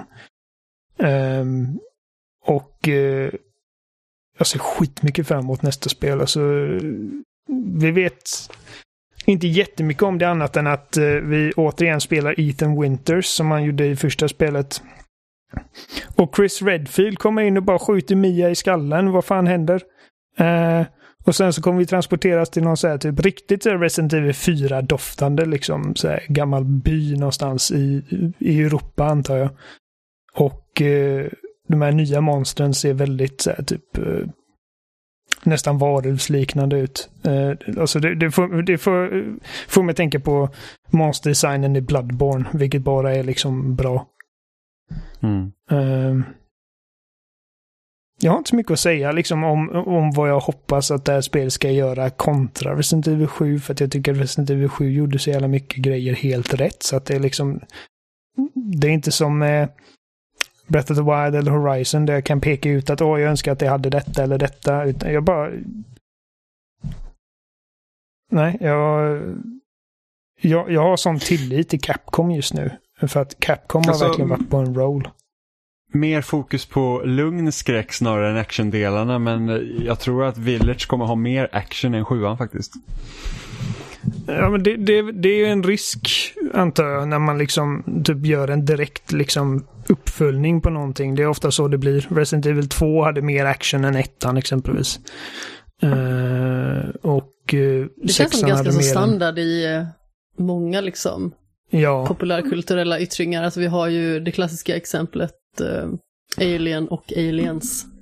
Precis. Det är perfekta exemplet. Och det, för att jag tror liksom att det är svårt att fånga den liksom känslan exakt. Det är samma med Dead Space. Liksom. När man har gått igenom Dead Space och förstår exakt hur necromorfen fungerar så har inte necromorfen samma, eh, samma liksom eh, impact som den hade förut. Så det man gör är att man liksom skalar upp det lite. Eh,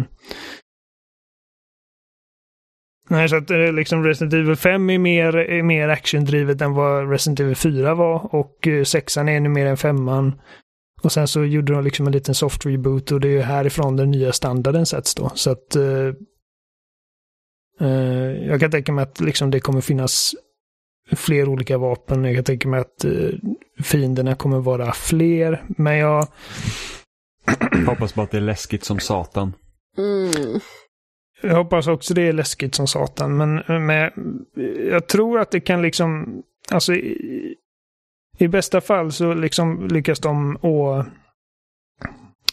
eh, åkalla den här, liksom, den här panikskräcken man fick lite i Resident Evil 4 också. När det inte nödvändigtvis var att du var ensam i en korridor och sen så typ kommer det ett monster genom väggen liksom gör en jump scare på det, utan mer liksom att oj, jag låser in mig i det här huset och så hör jag motorsåg startas någonstans, du vet. ja, alltså jag kommer aldrig glömma det. För att, att, det är så roligt när man liksom spelar spel och sånt, och speciellt då liksom under typ 90-tal och 10-2000-tal, liksom när, man, när man visste så att jag känner till spels begränsningar så jag vet ungefär vad jag kan göra för att hindra mig att dö.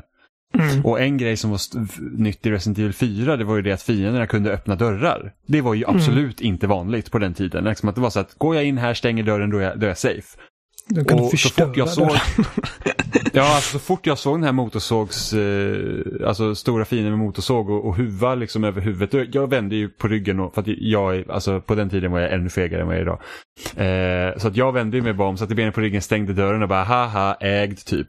Och sen så tar han den motorsågen och sågar sig igenom dörren, kommer in och så här kapar mitt huvud. Vem alltså. är äg nu? Ja men verkligen, jag stängde av spelet och typ Alltså jag stängde av spelet och inte spelade på ett tag. För att jag, jag vill se, jag bara, hur ska jag klara det här? Och, och, ett annat exempel i samma spel är ju det att mot slutet av spelet så möter man några fiender som kallas regenerators. Mm. Så att de, man kan liksom skjuta lemmarna av dem och sen så, och sen så kan de få dem tillbaka. Eh, mm. och, och då, tänkte, då tänkte jag vara så himla smart så att jag skjuter sönder benen på den här fienden för då kan inte han gå efter mig och fienden blir ännu snabbare. Och kräla på marken kommer, alltså då, då var också så här, stäng av spelet, spela på två veckor. Så rädd var jag, alltså det var så hemskt. Alltså jag är ju ännu fegare än vad du är. Så jag kommer förmodligen inte spela det här spelet. Jag kommer sitta bakom en kudde medan du gör det. Och jag är så luttrad nu så jag blir inte lika rädd längre. Mm. Jag så kan fortfarande bli rädd men det är liksom, ah. Det, det är jag inte tror så farligt. Att, eh, om, om jag ska säga någonting som jag hoppas att spelet gör så alltså, då är det väl det liksom att man, att man är inne mer på den panikkänslan snarare än liksom att... Eh, mm. För att Resident Evil 7 levde mycket på att man, man var ensam i en väldigt tyst korridor och plötsligt så hoppar någonting på dig. Liksom. Mm. Uh, att man blir mer och, stressad över situationen man hamnar i.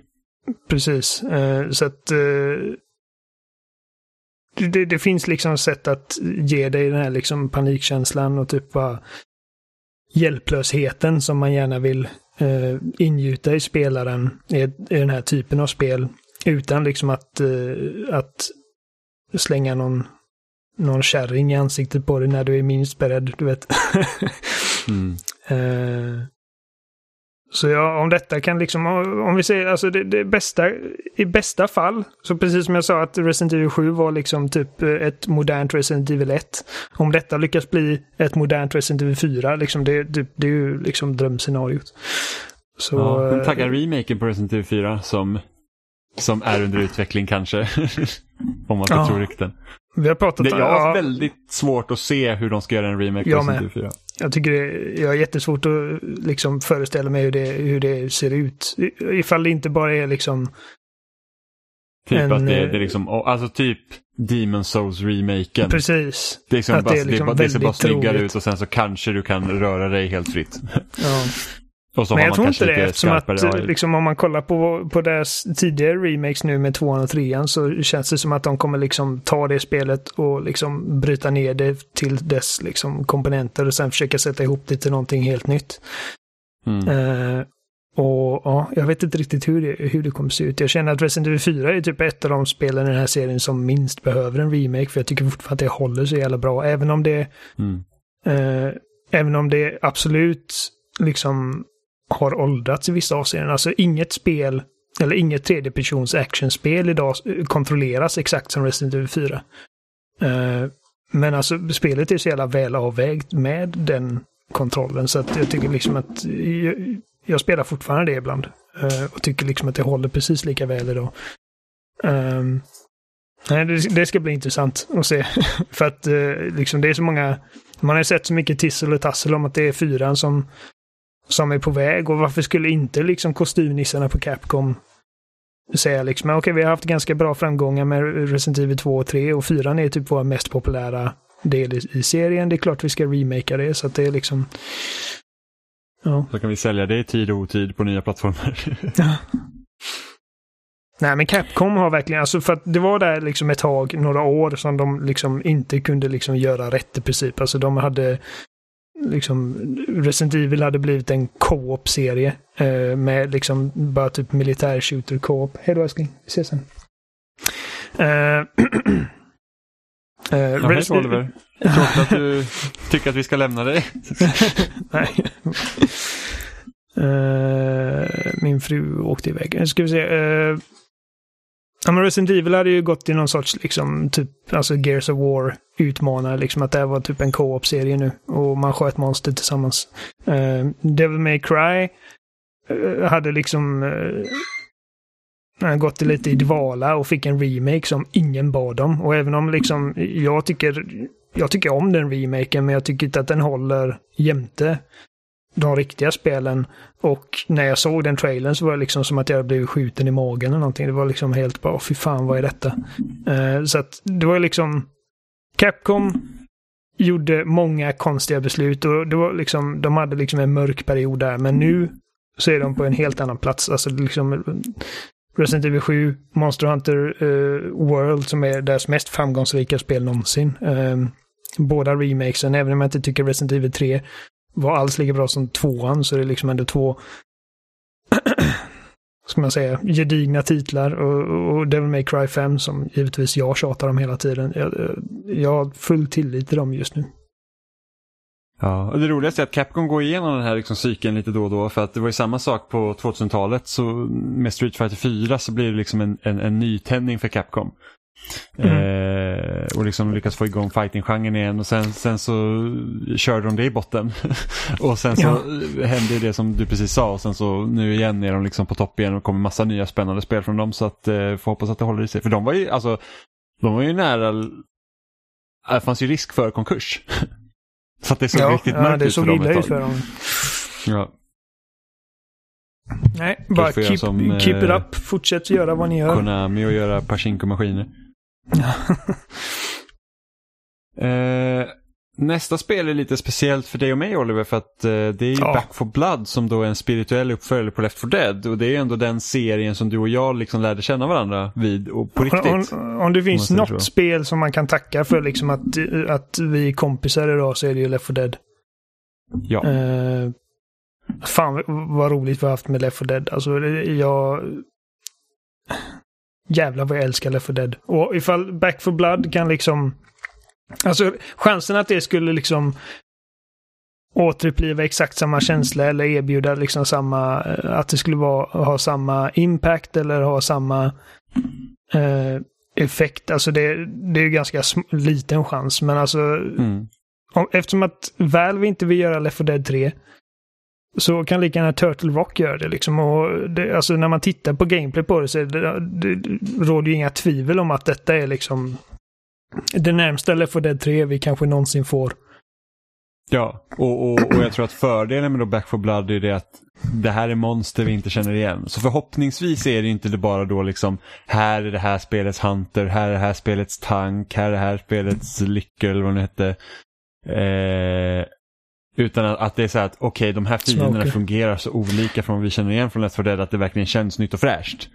Ja, precis. Så det, det är väl det jag känner är största risken med Back 4 Blood, att det är för likt Left 4 Dead, att det bara ska liksom vara Left 4 Dead fast det ser inte lika Alltså det, Valve är ju så himla duktiga på liksom det visuella. Eh, mm. Nu är ju Turtle Rock som utvecklade först Left 4 Dead men då hade ju Valve som hjälp då liksom att, så att det ser ut på ett visst sätt för att du enkelt ska kunna liksom se vad är det för hot du möter. Liksom, tittar man på Team Fortress 2 till exempel, så hur de karaktärerna ser ut där är för att du enkelt ska kunna identifiera vad det är för hot du möter när som helst. Och, och tittar man på Left 4 Dead så är det ju samma sak där. Du känner igen en boomer, du känner igen en hunter, du hör det på ljuden de gör. Det liksom finns ingen tvekan om vad du, vad du möter, vad du ser eller hör.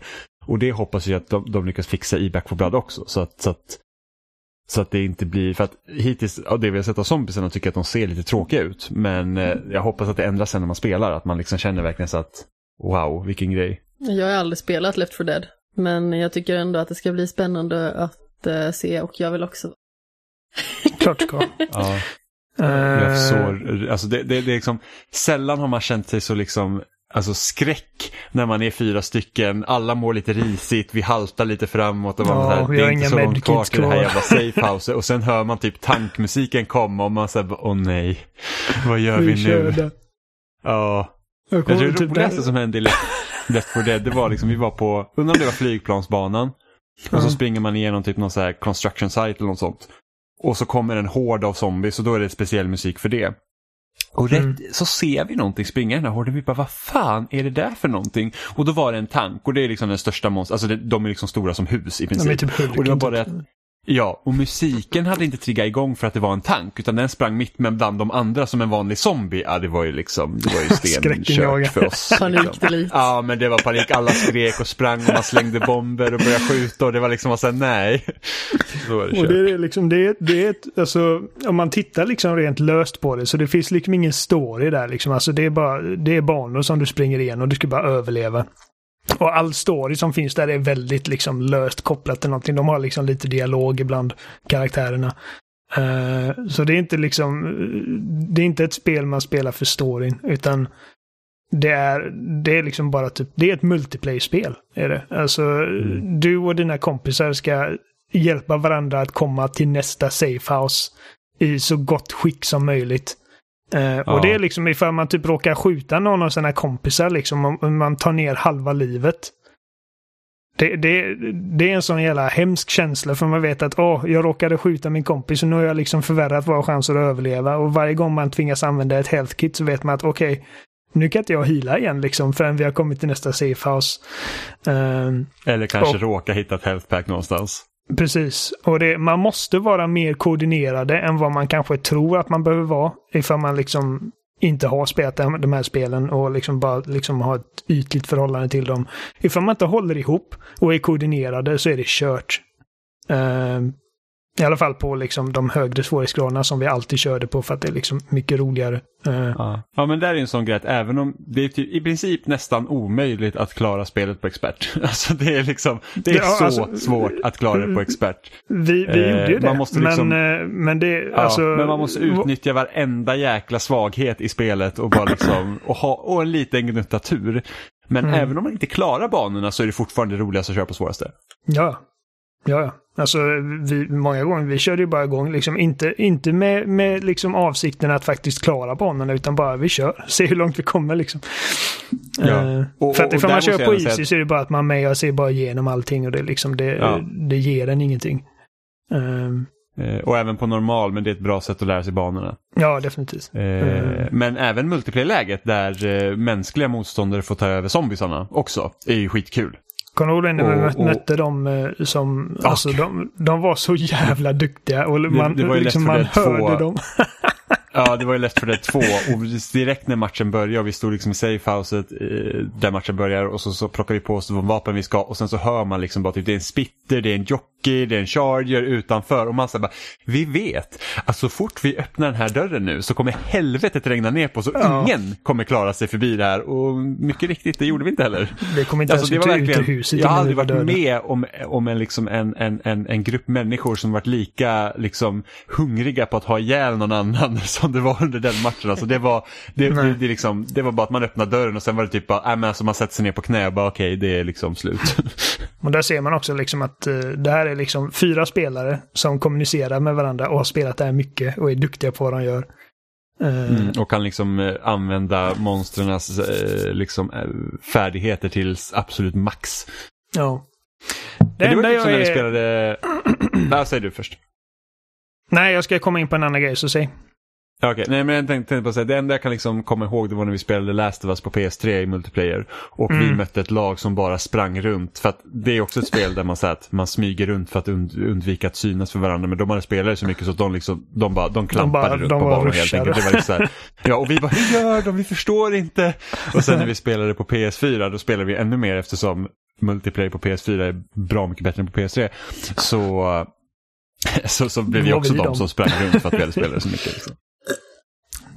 Exakt. Um, alltså det är tio år sedan vi satt och spelade. Det är över tio år sedan vi satt och spelade Left 4 över Dead. Ja, det är 11 år sedan blir det i år.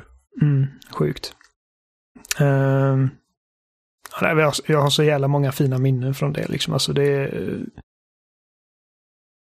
det var då liksom man fick vänner för livet. Och eh, ja, det finns massa historier man kan berätta. Och det roliga är liksom att det, det, det är inte lika roligt. Man måste nästan ha varit där så det är nästan ingen idé att liksom berätta. Ja, det enda jag är... fast, ja. äh, det, det enda jag tror att så att man, om man känner Sebastian som är vår gemensamma kompis, då är det liksom så att första gången vi hörde honom prata var när det hände något i matchmaking så han hamnade på motståndarlaget från mig, Robin och Oliver. Mm. Och, och de vann ju överlägset oss och så hör man bara Sebbe tar Olivers mick och bara In your face! Det var är liksom bara så att det Sebbe. Ja, och det är liksom bara så att det, det, det, det, förstår man en sån person så förstår man lite hur Sebbe är. Jo. Det enda jag är orolig med, alltså den enda liksom riktigt röda varningsflaggan jag ser med Back for Blood där är liksom att det ser det ser ut att liksom ha tagit bort mycket av den liksom sim simpliciteten jag älskar med Left 4 Dead. För att alltså, den som minns Left 4 Dead så det handlar egentligen bara, alltså, du hade inga förmågor, du hade inga perks, du hade ett, det fanns liksom inga mikrotransaktioner som kunde ge dig liksom att åh nu, nu kan jag sprinta 2% längre. Jag kan liksom, alla hade samma moveset, alla hade samma liksom, ut, liksom val av vapen. Du, du kunde välja liksom en shotgun, en SMG och liksom på sin höjd ta en extra pistol. Uh, och sen när man kommer liksom djupare in i banorna så får man liksom istället för typ en uh, kackig shotgun och en SMG kan man plocka upp liksom en, typ M16 och eh, en assault shotgun. Så att det var extremt simpelt. Och i dagens klimat så tror jag att det kommer vara svårt för dem att inte att motstå liksom frestelsen att liksom slänga in massa perks och massa unlocks och liksom att man ska typ gå in i någon jävla butik och köpa typ granater och attachments till sina vapen och grejer. Uh, så att man förlorar den liksom bara enkla plug and play grejen. Liksom att du, du bara hoppar in i en bana och så kör du. Eh, Mm. Ja, det är en av anledningarna till typ att jag inte har fastnat för Dead by Daylight. För att det är liksom så himla, alltså bara man startar det spelet, det, det känns så himla komplicerat att sätta sig in i alla levelsystem och sånt. Och bara så här, man orkar inte utan jag vill bara hoppa in och spela. Så det, det tror jag är liksom en, en alltså det är nog en liksom ganska liksom, eh, vad ska man säga, eh, rimlig farhåga man kan ha om det här spelet ifall man gillar de originalspelen. Uh, och jag vet att idag så ska liksom, och all, spelarna måste ha liksom massa unlocks och typ skill trees och grejer för att liksom fortsätta spela någonting. Jag vet inte om det egentligen är sant. Uh, liksom idealisten i mig känner liksom att ifall du har ett spel som är roligt att spela flera gånger så kommer folk spela det. De behöver liksom inte ha massa grejer eh, att låsa upp och skit. Jag vet inte, men alltså eh, ja, nej, det är jag rädd för. Och, och jag vet inte, jag har inte kollat upp spelet någonting.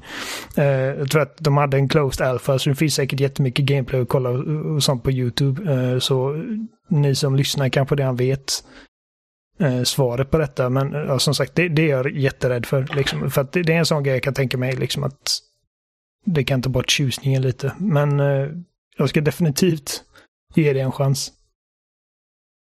Mm. Och, och, spelet efter det är ett litet mindre spel eh, som heter 12 minutes. Mm. Som är typ något så här Groundhog Day-liknande spel där, där de här 12 minuterna som spelets titel indikerar, eh, loopas om om och om igen. Det är väl typ liksom bara overhead-perspektiv över någons lägenhet. Ja, och det kommer, och det vi vet är att det kommer in någon och sen försöker ha ihjäl en. Eh, som ja. bryter sig in i lägenheten av någon anledning. Eh, och det är väl typ det man ska förhindra antar jag. Ja, jag antar att man kommer liksom olika få... scenarion hända. Ja men precis, det är väl förmodligen beroende på vad man gör under de här 12 minuterna så ändras utgången och så ska man försöka lösa det. Så antar jag att det är någon berättelse i det och, och vad som nu händer. Jag antar att det liksom har alltså... lite det här typ att man, liksom, man lär sig varje liksom 12 minuter någonting nytt som man har till nytta till nästa gång liksom. Um, mm. Jag tror, när var det för, första gången vi såg det? var ju på Microsofts E3-konferens 2018 kanske? Ja, och jag uh, tror att det har visats någonstans innan det också. Jag tror det också, jag kommer inte riktigt ihåg när, men jag kommer ihåg att jag blev väldigt exalterad ja. över det när jag såg det första gången, för, för att det såg så himla spännande ut. Ja, för jag tror det visades upp någonstans och sen var det tyst i ett par år och sen så kom det upp på Microsofts konferens. Jag är inte 100% säker, men, men det är så jag vill minnas att det var i alla fall. Man får vibben av att det är ett väldigt unikt spel i alla fall. Sen är ju unikt inte så unikt i dagens läge oavsett. det känns ju som att nästan allting är gjort, men det känns väldigt säreget faktiskt. Mm. Det är Annapurna Interactive som är utgivare tror jag. Uh, ja, och de ger ju ut, alltså alla spel som de ger ut är väldigt intressanta liksom. Jag gillar den grafiska de... stilen, jag gillar bara premissen. Uh, det har ju mycket star power. Daisy Ridley, Willem Dafoe, James McAvoy är med. Uh, så att... Uh, ja, nej, det här var bara ett spel som vi kände liksom när vi pratade om typ den här listan igår. Att uh, det ja, bara vi kom uppmärksamma liksom. Ja, liksom det bara kom på tal och alla bara, ja men det tar vi med. För att liksom vi alla är överens om att det ser väldigt spännande ut. Jag vet ingenting om det. Uh, liksom jag har inte jag sett något gameplay. Jag tror att det bara är en person som har utvecklat det också. Ja, det är möjligt. Förhoppningsvis så kommer det ut så, för att jag känner att det är många sådana här spel på Microsoft som de liksom lyfter upp på de här mindre spelen. Som, som liksom, det dyker upp och sen ser man dem inte riktigt igen. Nej. precis, de försvinner som en fis i vinden. Ja, det var ju typ som det här The Last Night som visades upp för några år sedan. Som var det här Cyberpunk 2D pixelspelet som såg så här skitsnyggt ut. Sen visade sig att, Just det. Sen visade sig att skaparen till eh, spelet var typ så här Pro Gamergate och, och typ att eh, jag tror den liksom lilla typ testvarianten han gjorde av spelet så var det typ så här, ah, feminismen har typ övertagit världen och då, då hamnar man i någon form av dystopi. Eh, så det är väl typ med den utgångspunkten som det spelet utvecklas på från första början. Sen vet jag inte vad som har ändrats men det är så att Microsoft har droppat dem så de ger inte ut spelet längre och, och har haft så finansiella problem och sådana grejer för spelet och, och jag tror att det, det, slog ganska hårt när det kom upp till ytan vad, vad, vad det var för typ av person. Så att, men, men liksom det är ett spel som bara för, i princip försvunnit. Det såg ju så otroligt lovande ut när det, det visades upp. Det ser jättesnyggt ut verkligen och jag kommer ihåg att det var ju, oh, nu minns inte jag vad det bandet heter som hade traillerlåten heller men det är också väldigt bra. Eh, så, så, så att man får ju hoppas bara att 12 minutes inte bara så här försvinner mm. utan att det faktiskt kommer ut i år. Men nu är det Anna Perna som ger ut det så det, de har ju ganska bra track record på det men, men ändå. Mm. Nej, jag bara, alltså den trailern bara fångar mig direkt. Och liksom det, det avslutande taglinen var typ så här, en interactive thriller about a man trapped in a time loop. Och jag bara, oh, sign me up liksom. mm. Man får lite så här uh, inside-vibbar av det också.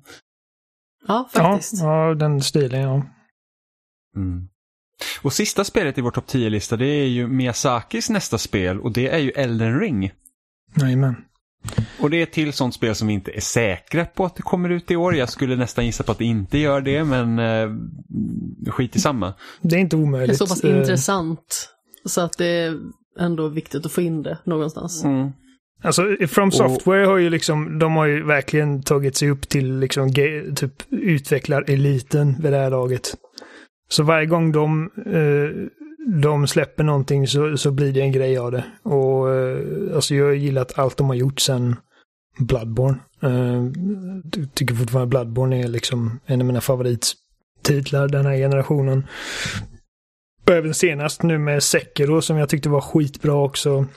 Dark Souls 3 är skitbra. Eh, så att, ja, detta, detta kommer ju vara detta är inte nödvändigtvis liksom ett sån här liksom eh, Soulsborne-spel som man kallar det. Eh, även om det givetvis... Jag tror, att, jag tror lite hur Sekiro är uppbyggt kan skvallra lite om, om hur de kanske försöker ta Elden Ring. För att Sekiro, även om det är väldigt mycket Soulsborne i grunden, så är det mm. så att hur du strider är lite annorlunda. Hur... Så det är mycket mer strömlinjeformat? Ja, men det tror jag inte att Elden Ring kommer vara. Jag tror det kommer vara öppnare än Sekiro. Men just det här hur du hanterar kanske vapen, att det inte är multiplayer-fokus som det var tidigare. Mm. Kan man göra ett svårare spel utan att få hjälp någonstans utifrån? Så jag tror att det är lite experiment där som, har, som kommer gå in i hur Elden Ring kommer utformas. Så jag tror att Elden Ring kommer vara open world på riktigt. Jag tror att det kommer vara mer som ett, ett, ett rollspel likt Witcher eller, eh, eller eh, in, inte Elder Scroll men eh, nu glömde jag bort vad, vad jag tänkte säga. Men eh, så att det, det, är liksom, det kommer vara mer åt rollspelande eh, än, än, eh, än de tidigare spelen. Ja, det känns ju som att eh, Sekiro var ett sånt spel som eh, det är väldigt tydligt att det har ett visst sätt i hur det ska spelas. I relation till de andra spelen där det är lite mer fritt va? Alltså nu har ju inte jag spelat de här spelen eh, lika mycket som ni har gjort, utan jag har ju bara liksom testat typ tio minuter, blivit livrädd och sedan eh, har jag eh, gett upp. Det är typ så. Men eh, utifrån allting jag har hört om det så känns det som att eh, just Sekiro är mycket mer liksom strömlinjeformat i det avseendet liksom. Eh, ja, Sekiro, det, det, har ju liksom inte massa olika klasser utan du, du är, det, du är eh, Sekiro om man ska säga. Uh, The Wolf. Och uh, du har din katana, du har liksom inte massa olika vapen att välja mellan utan det är mer liksom vilka perks och sånt du investerar i, vilket jag uppskattade för att efter att ha spelat typ Demon Souls eh, jämfört med typ Bloodborne. Bloodborne är ju mer strömlinjeformat än vad Dark Souls och Demon Souls är också. Eh, alltså vi vet inte jättemycket om Elden Ring. Alltså vi vet att George R. R. Martin har skrivit det övergripande mytologin kring spelet. Så han, är liksom, han har inte skrivit något manus för det, men han, han har liksom skapat, man ska säga, um, ja, men som sagt. förutsättningarna. Ja. Uh, the overarching mythos som de, som de har sagt att han har eh, skapat. Um, vi vet att vet, både, både Miyazaki själv och Phil Spencer som har spelat eh, en del av det säger liksom att det är typ det mest ambitiösa de har gjort. Och jag har för mig också i och med att de har bekräftat att det är liksom mer open world-spel. Mm. Um, vi vet att eh, det är det största de har gjort liksom bara sett till ren volym. Um, ja, men annars är det liksom alltså det... Det är bara... Vi vet att Hidetaka Miyazaka är liksom director. Vi vet att George R. R. Martin är inblandad. Vi vet att det är liksom... Det, det är From Softwares nästa liksom storsatsning. Vilket, jag menar, man behöver inte veta så jävla mycket mer ifall man är ett fan av den typen av spel. För att liksom eh, motivera en plats på den här listan för Elden Ring. Mm.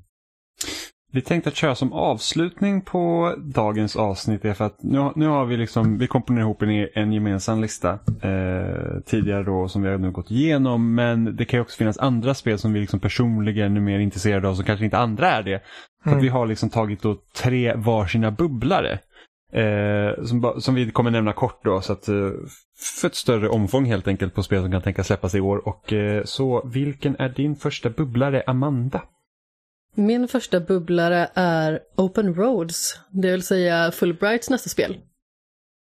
Och det såg vi för inte alls himla länge sedan. Det var ju eh, eh vi tre och Adam som eh, pratade om alla de titlarna som visades upp i ett och samma svep var väl i samma veva som vi pratade om Cyberpunk också. Så om man är lite mer nyfiken på det här så kan man ju gå tillbaka och eh, lyssna på det avsnittet. Men Open Roads handlar i alla fall om eh, en eh, tjej och hennes mamma som eh, helt enkelt ska ge sig ut på en eh, färd för att eh, ta reda på mer om deras familjehemligheter. Och själva stilen tyckte jag var så himla spännande. För det ser ut som någon form av blandning mellan Firewatch och eh, precis som jag sa då att det ser lite ut som eh, att eh, tecknastilen på karaktärerna har vissa likheter med Paper Girls, det vill säga den här eh, serien. Så jag eh, tyckte att själva kombinationen såg så himla intressant ut. Och eh, naturligtvis premissen också. Det är liksom ett litet spel, ett familjärt spel och eh, det känns som att det kan bli en väldigt hjärtvärmande och intressant berättelse. Mm, och Fulbright är väldigt bra på att göra mänskliga historier. Mm, Eller berättelser. Eh, för både Tacoma och eh, Gone Home är ju liksom jättebra. Där är ju liksom karaktärerna i fokus helt och hållet. Mm. Jag har Eh, inte spelat Tacoma så jättemycket, jag har bara nosat på det, men Gone Home var ju verkligen en spännande, obehaglig och väldigt stark upplevelse mm, och, i speciellt, slutändan. och speciellt de, alltså även om det övergripande narrativet i Gone Home är jättebra så är det allt det runt omkring som, alltså när man liksom undersöker och börjar pussla ihop resten av familjemedlemmarnas berättelse som gör att det verkligen lyfter. Ja, det är ju väldigt levande på det viset. Även här så är det Annapurna som eh, är utgivare. Mm. Jag vet att Carrie Russell har en eh, roll i spelet. Mm, det stämmer. Så Oliver, vilken är din första bubblare? Eh, Hitman 3. Uh, alltså, jag, jag debatterade med mig själv om jag skulle ens nämna Hitman 3 bara för att det är så jävla nära till release nu. Det kommer väl nästa vecka, näst, nästa vecka. Uh, men uh, samtidigt så kan jag liksom inte, jag kan inte sitta här och hymla med att liksom både rebooten för 2016 och uppföljaren till Hitman 2 är liksom helt fantastiska spel. Alltså det är verkligen så här stealth drömmen i princip. Att liksom du bara släpps lös i den här sandlådan där eh, liksom det inte finns några regler i princip och du, du ska bara liksom döda dina måltavlor på så, med, så kreativa sätt som möjligt. Och det finns, de här banorna är så proppade med olika möjligheter att det är liksom, det räcker inte att bara spela banorna en gång. Eh, du kan spela dem hur många gånger som helst och ändå känna liksom att du inte gör samma sak hela tiden. De är fruktansvärt eh, väldesignade och detaljerade världar. Och liksom även bara sett till, för att just nu håller jag på att spela Hitman Absolution som jag aldrig tog mig igenom när det kom 2012. Och bara liksom att se eh, utvecklingen från det till originalet, liksom vilket jävla uppsväng det var. För att det är så... På samma sätt som det finns en jävla massa möjligheter och det är liksom så öppet och eh, nästan överväldigande så har de lyckats så jävla bra med liksom att göra saker och ting tydligt för spelaren. Att eh, liksom att förmedla regelverket på ett väldigt bra och organiskt sätt. Uh, vilket de inte lyckades med riktigt i Hitman Absolution, tycker jag. Uh, och trean är, alltså det, det är avslutningen på den här liksom nya reboot-trilogin de håller på med. Det ser ut att vara liksom mer av samma fast liksom mer, uh, ska man säga, ännu mer slipat. De har ju givetvis lärt sig en del sedan det första släpptes nu 2016. Och bara det liksom att ifall du äger ettan och tvåan så kommer de också att vara spelbara inne liksom genom Hitman 3 så att det blir som en stor enda hubb för hela den här trilogin. Och, Alltså det eh, tror jag absolut, det, det är nog det smartaste de har gjort med de här spelen. Ett, ett, för första början när de släppte Hitman 1 episodiskt, jag vet att det inte riktigt var kanske det smartaste beslutet för dem just då, men jag tror att det var det. Och jag är väldigt synd, alltså ledsen över att jag inte hakade på när det var episodiskt, för jag tror att det formatet hade passat mig bäst för att verkligen komma in i det här spelet. Eh, Mm. Men just det att, hela ettan finns i tvåan och nu hela ettan och tvåan finns i trean. Det liksom gör så att alla de nya och förbättringar de gör i varje spel följer över på de gamla banorna för att de banorna är fortfarande bra. Precis. Nej, så att alltså eh, sett till eh, bara liksom ren och skär liksom stealth helt enkelt. Så, så finns det inte många spel som, som kan mäta sig med vad den här, de här två spelen och jag förmodar trilogin då har gjort de senaste åren. De är det är bara en sån fräsch återgång till basics. Uh, efter att eh, se så många serier som Hitman också gjorde, liksom att det blir liksom mer uh, typ filmiskt och ska vara mer liksom uh, story och mer personligt och det blir mer liksom skriptat och typ drivet av set pieces, vilket jag känner att den här genren inte riktigt drar nytta av på bästa sätt. Um, det är därför liksom så Splinter Cell Chaos Theory är liksom mer uppskattat än Splinter Cell Blacklist exempelvis.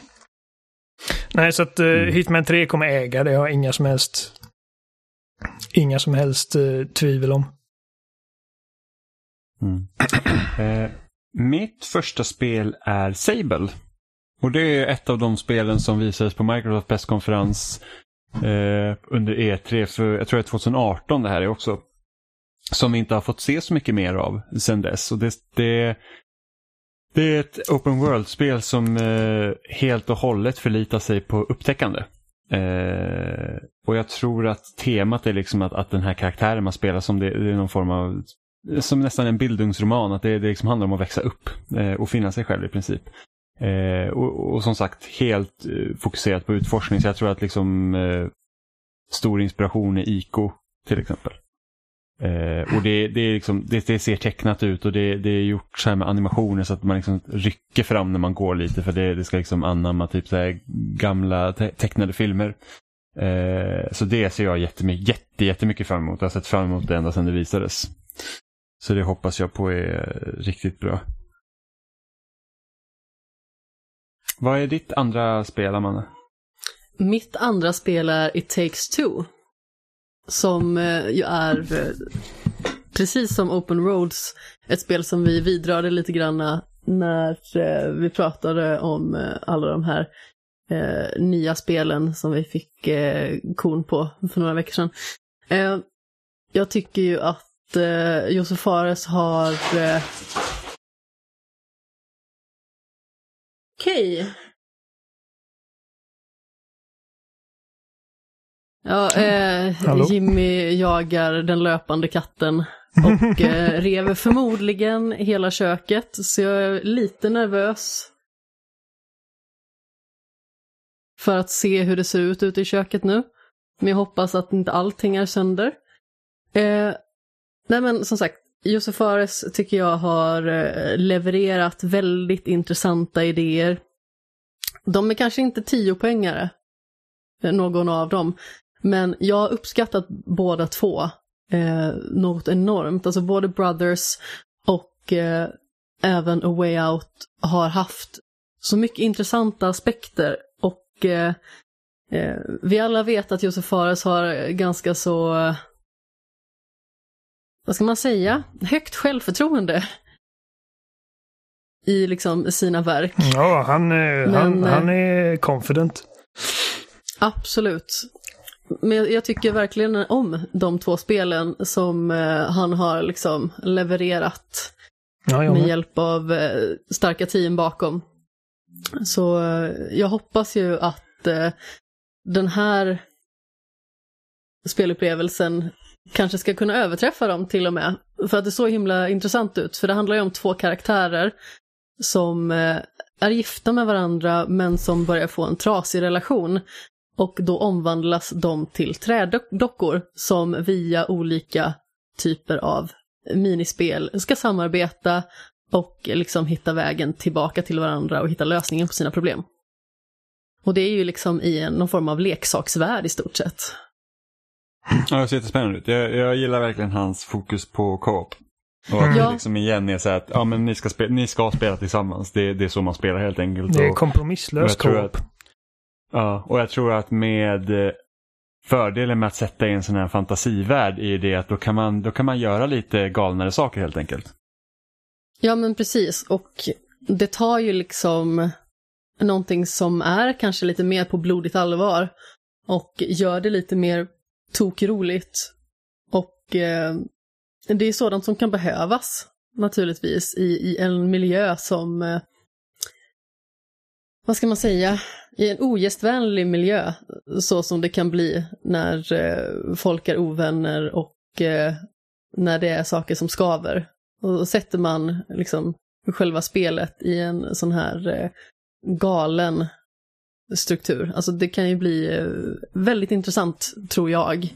Och jag ser fram emot att spela det ihop med Adam blev det väl till slut, i och med att ni två skulle spela det ihop. Ja. Det är jag och Jimmy som ska köra den här liksom romantiska relationssimulatorn. Eh, det tycker jag låter som en bra idé. Mm. uh, ja, men då, då är jag igen då. Uh, Gran Turismo 7 jag har inte så mycket att säga. Jag vill bara köra liksom fotorealistisk racing på min PS5 med DualSense och eh, jag har haft väldigt kul med Gran Turismo Sport nu under förra året.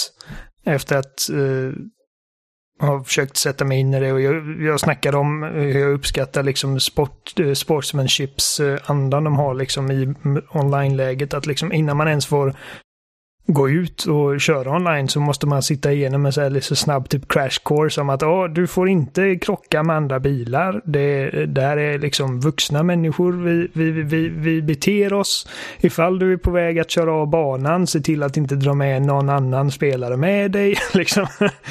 så att... Eh... Ja, nej, det, det, det, bara, jag, jag vill ha mer eh, Gran Turismo. Jag, tyckte jag hade kul med sport och eh, jag ska ha mer. Jag har aldrig riktigt fastnat vid Gran Turismo. Inte jag heller. Eh, och, och jag har liksom spelat Forza Motorsport har jag spelat en del men så fort Horizon-serien kom sen så övergav jag i princip det för då får jag liksom det här att bilarna känns som mer som riktiga bilar och jag får arkadracing vilket jag föredrar. Mm. Ja, ja men jag, jag, håller med. Men eh, det var liksom, jag, jag fick eh, Gran Turismo Sport tillsammans med min Playstation 4 Pro när jag köpte den. Så liksom, det är inget jag hade köpt annars, men jag tänkte vad fan, jag testar det. Och liksom när man väl kommer in i det här liksom och typ att ta varenda kurva med så mycket precision som möjligt. Liksom att det, det är inte riktigt vad man har gjort i Forza. Och eh, jag, jag lyckades eh, liksom jag, menar, jag lyckades utveckla en uppskattning för den typen av liksom mer eh, eh, liksom genomtänkt körning i sådana här spel. Så att eh, och sen blev jag inspirerad också av liksom att se de andra spelarna i det communityn liksom och hur de körde. Liksom att det, ja nej, det... Jag tröttnar ju så fort racen börjar ta tio minuter. Då blir jag såhär, åh. Jo, det, det är traligt det, men det är inte alltid det blir det heller. Mm. Eh, mitt nästa spel är ett spel som också visades upp i slutet av förra året på Game Awards och det är Season. Och det är också ett tecknat spel mer eller mindre där man spelar som en eh, svart ung kvinna. Och hon har en cykel och en kamera. Och det är i princip det jag vet om spelet. Så får man eh, undersöka fantasifulla världar ser ut som. Det, det, liksom, det, det, ser ut att vara baserat på vår verklighet men det verkar också vara liksom konstiga kreatur med i bilden också. Så det, det, är jag väldigt, väldigt nyfiken på vad det kommer att vara för typ av spel. Det är väldigt roligt att man har en cykel. Ja, men man cyklar runt och har en kamera. Det är ungefär det man kan. Det känns väldigt mysigt på något vis. Och sen var det otroligt vackert. Ja, absolut. Det, liksom, det, det, det fångar liksom blicken på en gång med, med tanke på hur det ser ut. Eh, och jag hoppas verkligen att det är, för att det, det, är ganska skönt tycker jag med spel som, alltså många, många av de spelen som vi har på vår, den här gemensamma tio-listan är ju liksom, mycket går ju ut på att utföra våldshandlingar. Liksom. Det är det man ska slåss, för det, det är mycket så spel är. Och då kan jag tycka att det är så skönt att det finns spel som eh, går bort från det. Och att man får göra andra saker som man kanske inte brukar göra. Eh, så det, jag hoppas att det spelet blir intressant och spännande. Jag också. Vad är ditt sista spel, Amanda? Alltså, mitt sista spel kan ses som lite fusk. För att det är inget nytt spel och det är tre spel. Äh, fuck the rules. Fuck the police. Ja, ja men precis.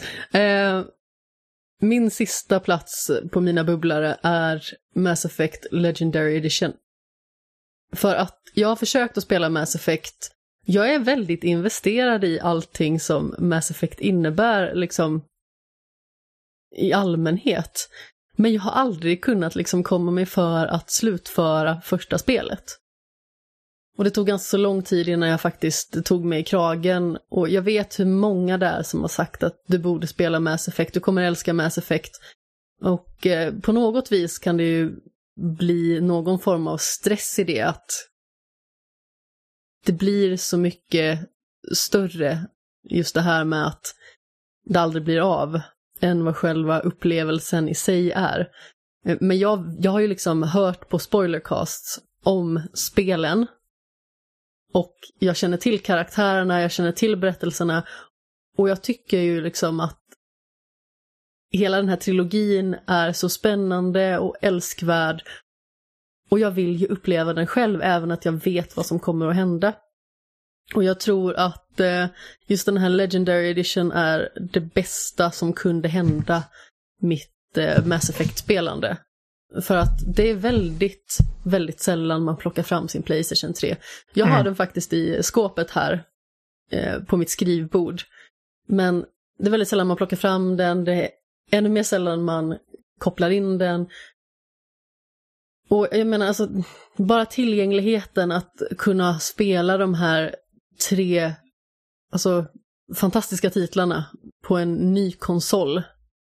Alltså, det är så himla spännande. Och, och då framförallt i och med att vi vet att det kommer ett eh, nytt eh, Mass Effect som eh, förmodligen kommer lägga mer vikt eh, kring vad som har hänt i de eh, tre tidigaste titlarna och eh, bortse lite mer från Andromeda, så som vi har eh, kunnat utläsa från eh, trailern vi såg i alla fall.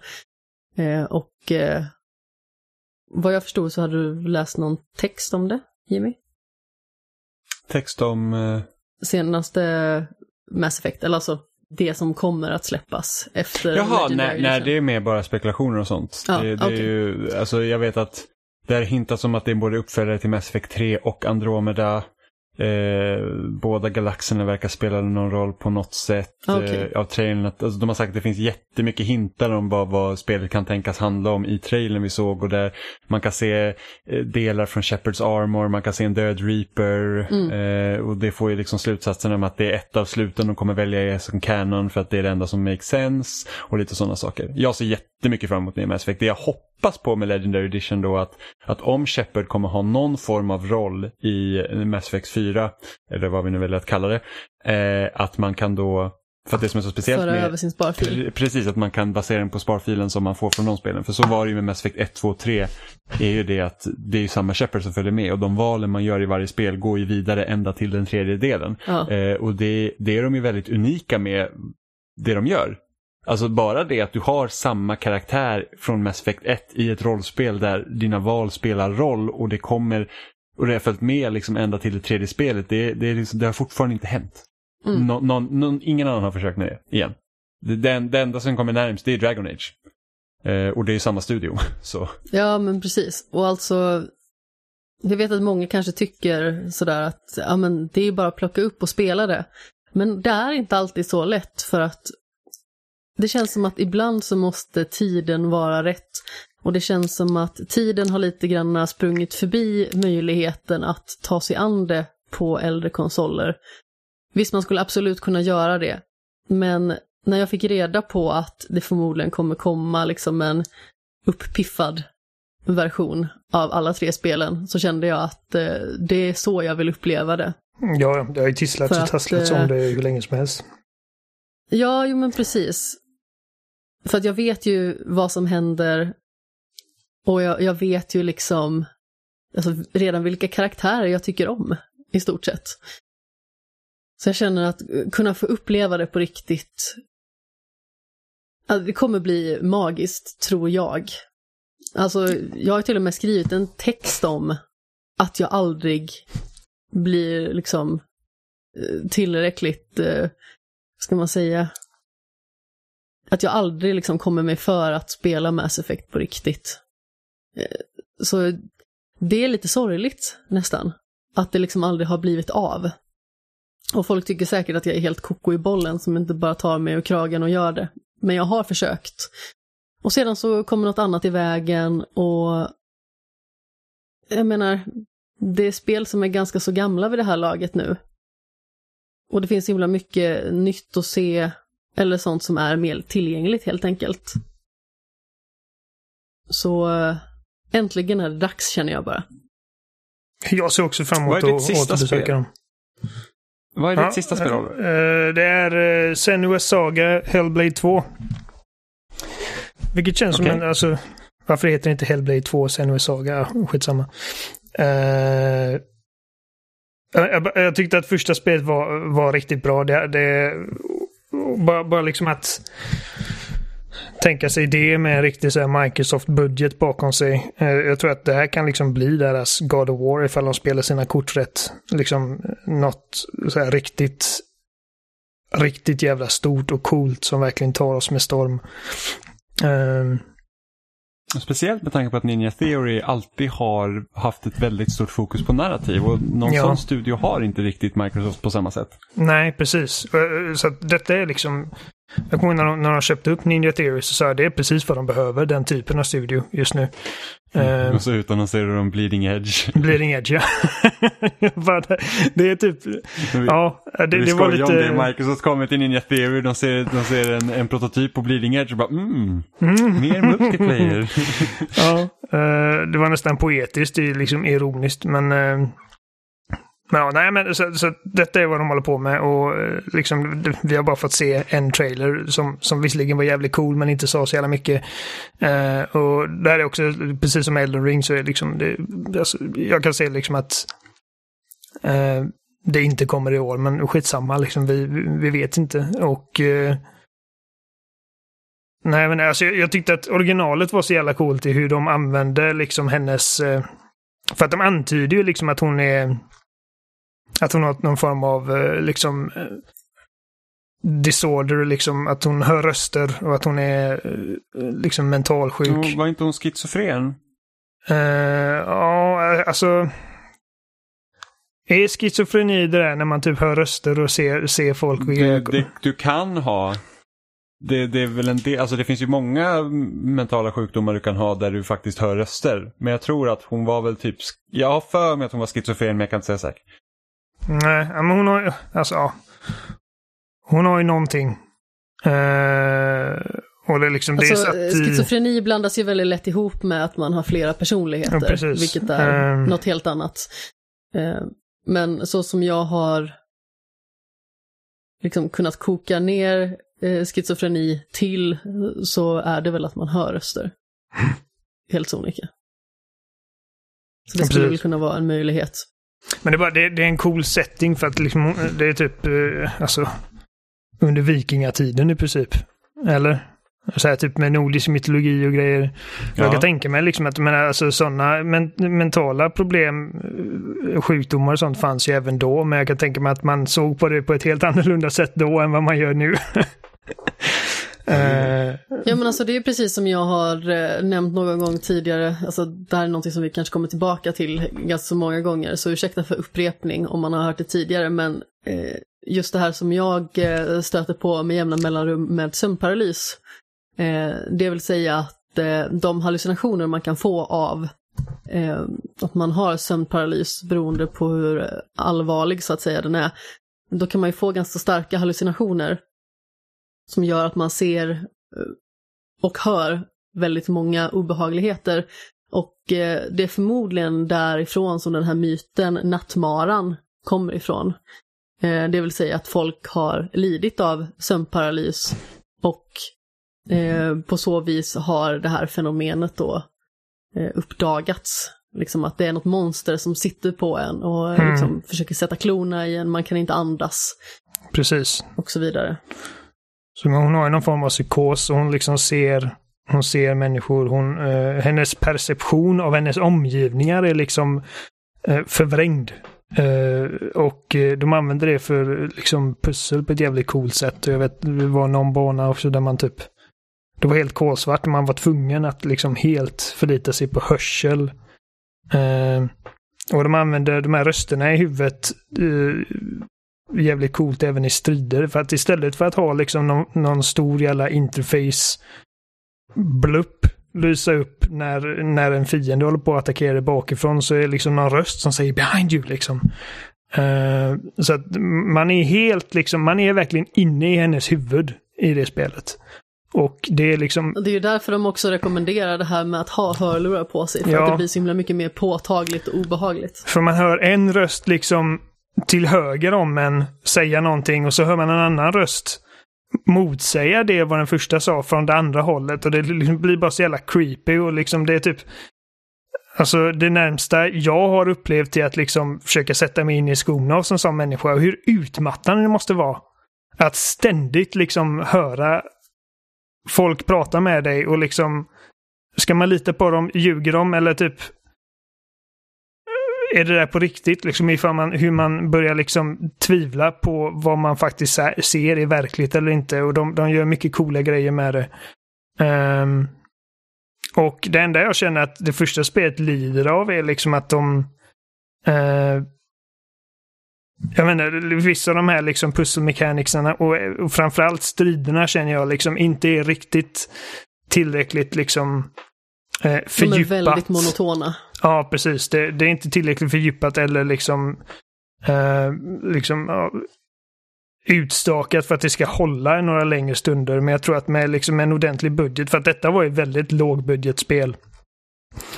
Eh, gjort av bara liksom ett få antal personer och hon som spelar Senua är inte en skådespelare. Hon, hon, var, hon var någon tekniker eller någonting på företaget. Eh, så med tanke på liksom de förutsättningar de hade och eh, de resurser de hade så tycker jag det är så grymt jävla imponerad vad de lyckas med. Och jag är jättesugen på att se vad de kan göra nu när de har Microsoft i ryggen.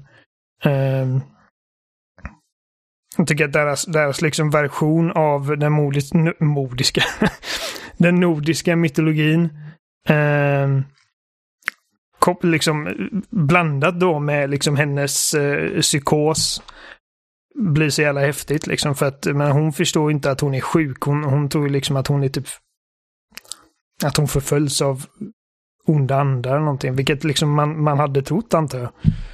Uh, nej, eh, eh, det, det är jag tror stenhårt på det spelet. Jag tycker Ninja Theory är en grymt duktig studio som gör väldigt spännande grejer. Även om de inte liksom gör fullpoängare varje gång så, så finns det alltid någonting att hämta från vad de gör. Och jag tycker att Enslaved and Odyssey to the West eh, är ett väldigt underskattat spel. Um, och även remake, eller rebooten och Devil May Cry hade sina, definitivt sina, liksom, eh, sina ljuspunkter. Och eh, Ja, nej. Jag har enorm respekt för den studion. Jag tyckte väldigt mycket om första Hellblade och jag ser jättemycket fram emot att se liksom vad de kan ta den karaktären och den världen. Mitt eh, sista spel är New Pokémon Snap. Som Po- jag ja. tror typ är en remake på det första Pokémon Snap. Jag är inte helt säker på att det är 100% nytt, men då antar jag liksom att det lite tråkigt att det kommer då förmodligen spelas on-rail och sen så får man fota Pokémon som man ser eh, under resans gång snarare än att man faktiskt får vara en karaktär och styra själv eh, Mm. och fota Pokémon som man vill. Men eh, fördelen nu är att när Pokémon Snap kom 99 tror jag släpptes, eller 2000, är ju det att eh, då fanns ju bara de första 151 Pokémon och nu har du liksom typ 700-800 stycken istället. Så det kommer finnas massa olika möjligheter att fota Pokémon. Eh, så att jag tror att det kan vara väldigt roligt spel att spela på Switch faktiskt. En liten personlig anekdot att Pokémon Snap är det enda spelet jag har sålt. Ångrar det än idag. Ja, jag kommer få höra det till dödagar. Jajamän. Vi säljer aldrig spel. Du hade inte spelat Pokémon det. Snap. Ifall du hade det. Nej, förmodligen inte. Nej. Men då hade jag haft det. Ja. Så att, eh, och jag sålde det tror jag för typ 150 spänn också. Det är värt betydligt mer. Mm. Dåligt av dig. Eh, Så att, att det, det, det, det ska bli kul att se vad, vad New Pokémon Snap kommer vara för någonting. Det är väldigt mycket. ja, jag hade glömt att de utannonserade Men- Pokémon Snap. Mm. Jag tänkte nästan nämna ett annat spel först, men så kom jag på att nej, det, för det finns stora chanser att det andra spelet är nedlagt. Vilket är det då? eh, Routine heter det. Okej. Utan Som att- du nämner varje år. Ja, jag nämner varje år på loading så har jag rutin med som bubblar på saker. jag- det, det utannonserades 2013, det fick ett releasedatum 2017. Och sen så här, samma månad som det skulle släppas så sköts det upp på obestämd tid och sen dess har man typ inte hört någonting. Det här är din The Last Guardian. Ja, jag köpte en PS3 för The Last Guardian. Tji fick jag. ja, ja, du fick ju Eh. mileage av den i alla fall. Ja, eh, ja. Jag är inte jätteförtjust i PS3 faktiskt. Nej, men du, du spelar ju på den i alla fall. Du spelar God of ja, jag War-spelen. Jag, Du spelar Killzone. ja, jo. Det är du. Ja, ja, precis. Det hade jag Ja. kunnat klara mig utan. eh, men ni hittar oss som vanligt på spelsat.com. Där finns också länkar till alla ställen vi finns. Vi finns i din favoritpodcast-app som Apple Podcast, eh, Spotify och eh, Google Play eller vad nu den varianten heter. Vi läggs också upp på loading.se varje vecka. Där kan ni också kommentera avsnittet eller om ni tycker att vi ska prata om något speciellt så kan ni kommentera om det också. Ni kan mejla oss till kontaktetspelsnack.com eller byta ut kontakt mot några av våra förnamn eh, spelsnack.com för att komma med förslag eller åsikter om vad ni tycker. Vi finns också på Twitter och Instagram så det är bara att söka på spelsnack så borde ni kunna hitta oss där också. Eh, och vi hörs igen om en vecka. Får ni ha det så bra. Gör vi. Vila i Frida Simsken. Lexilayo. Ja, womp womp. Mm. Min barndomshjälte.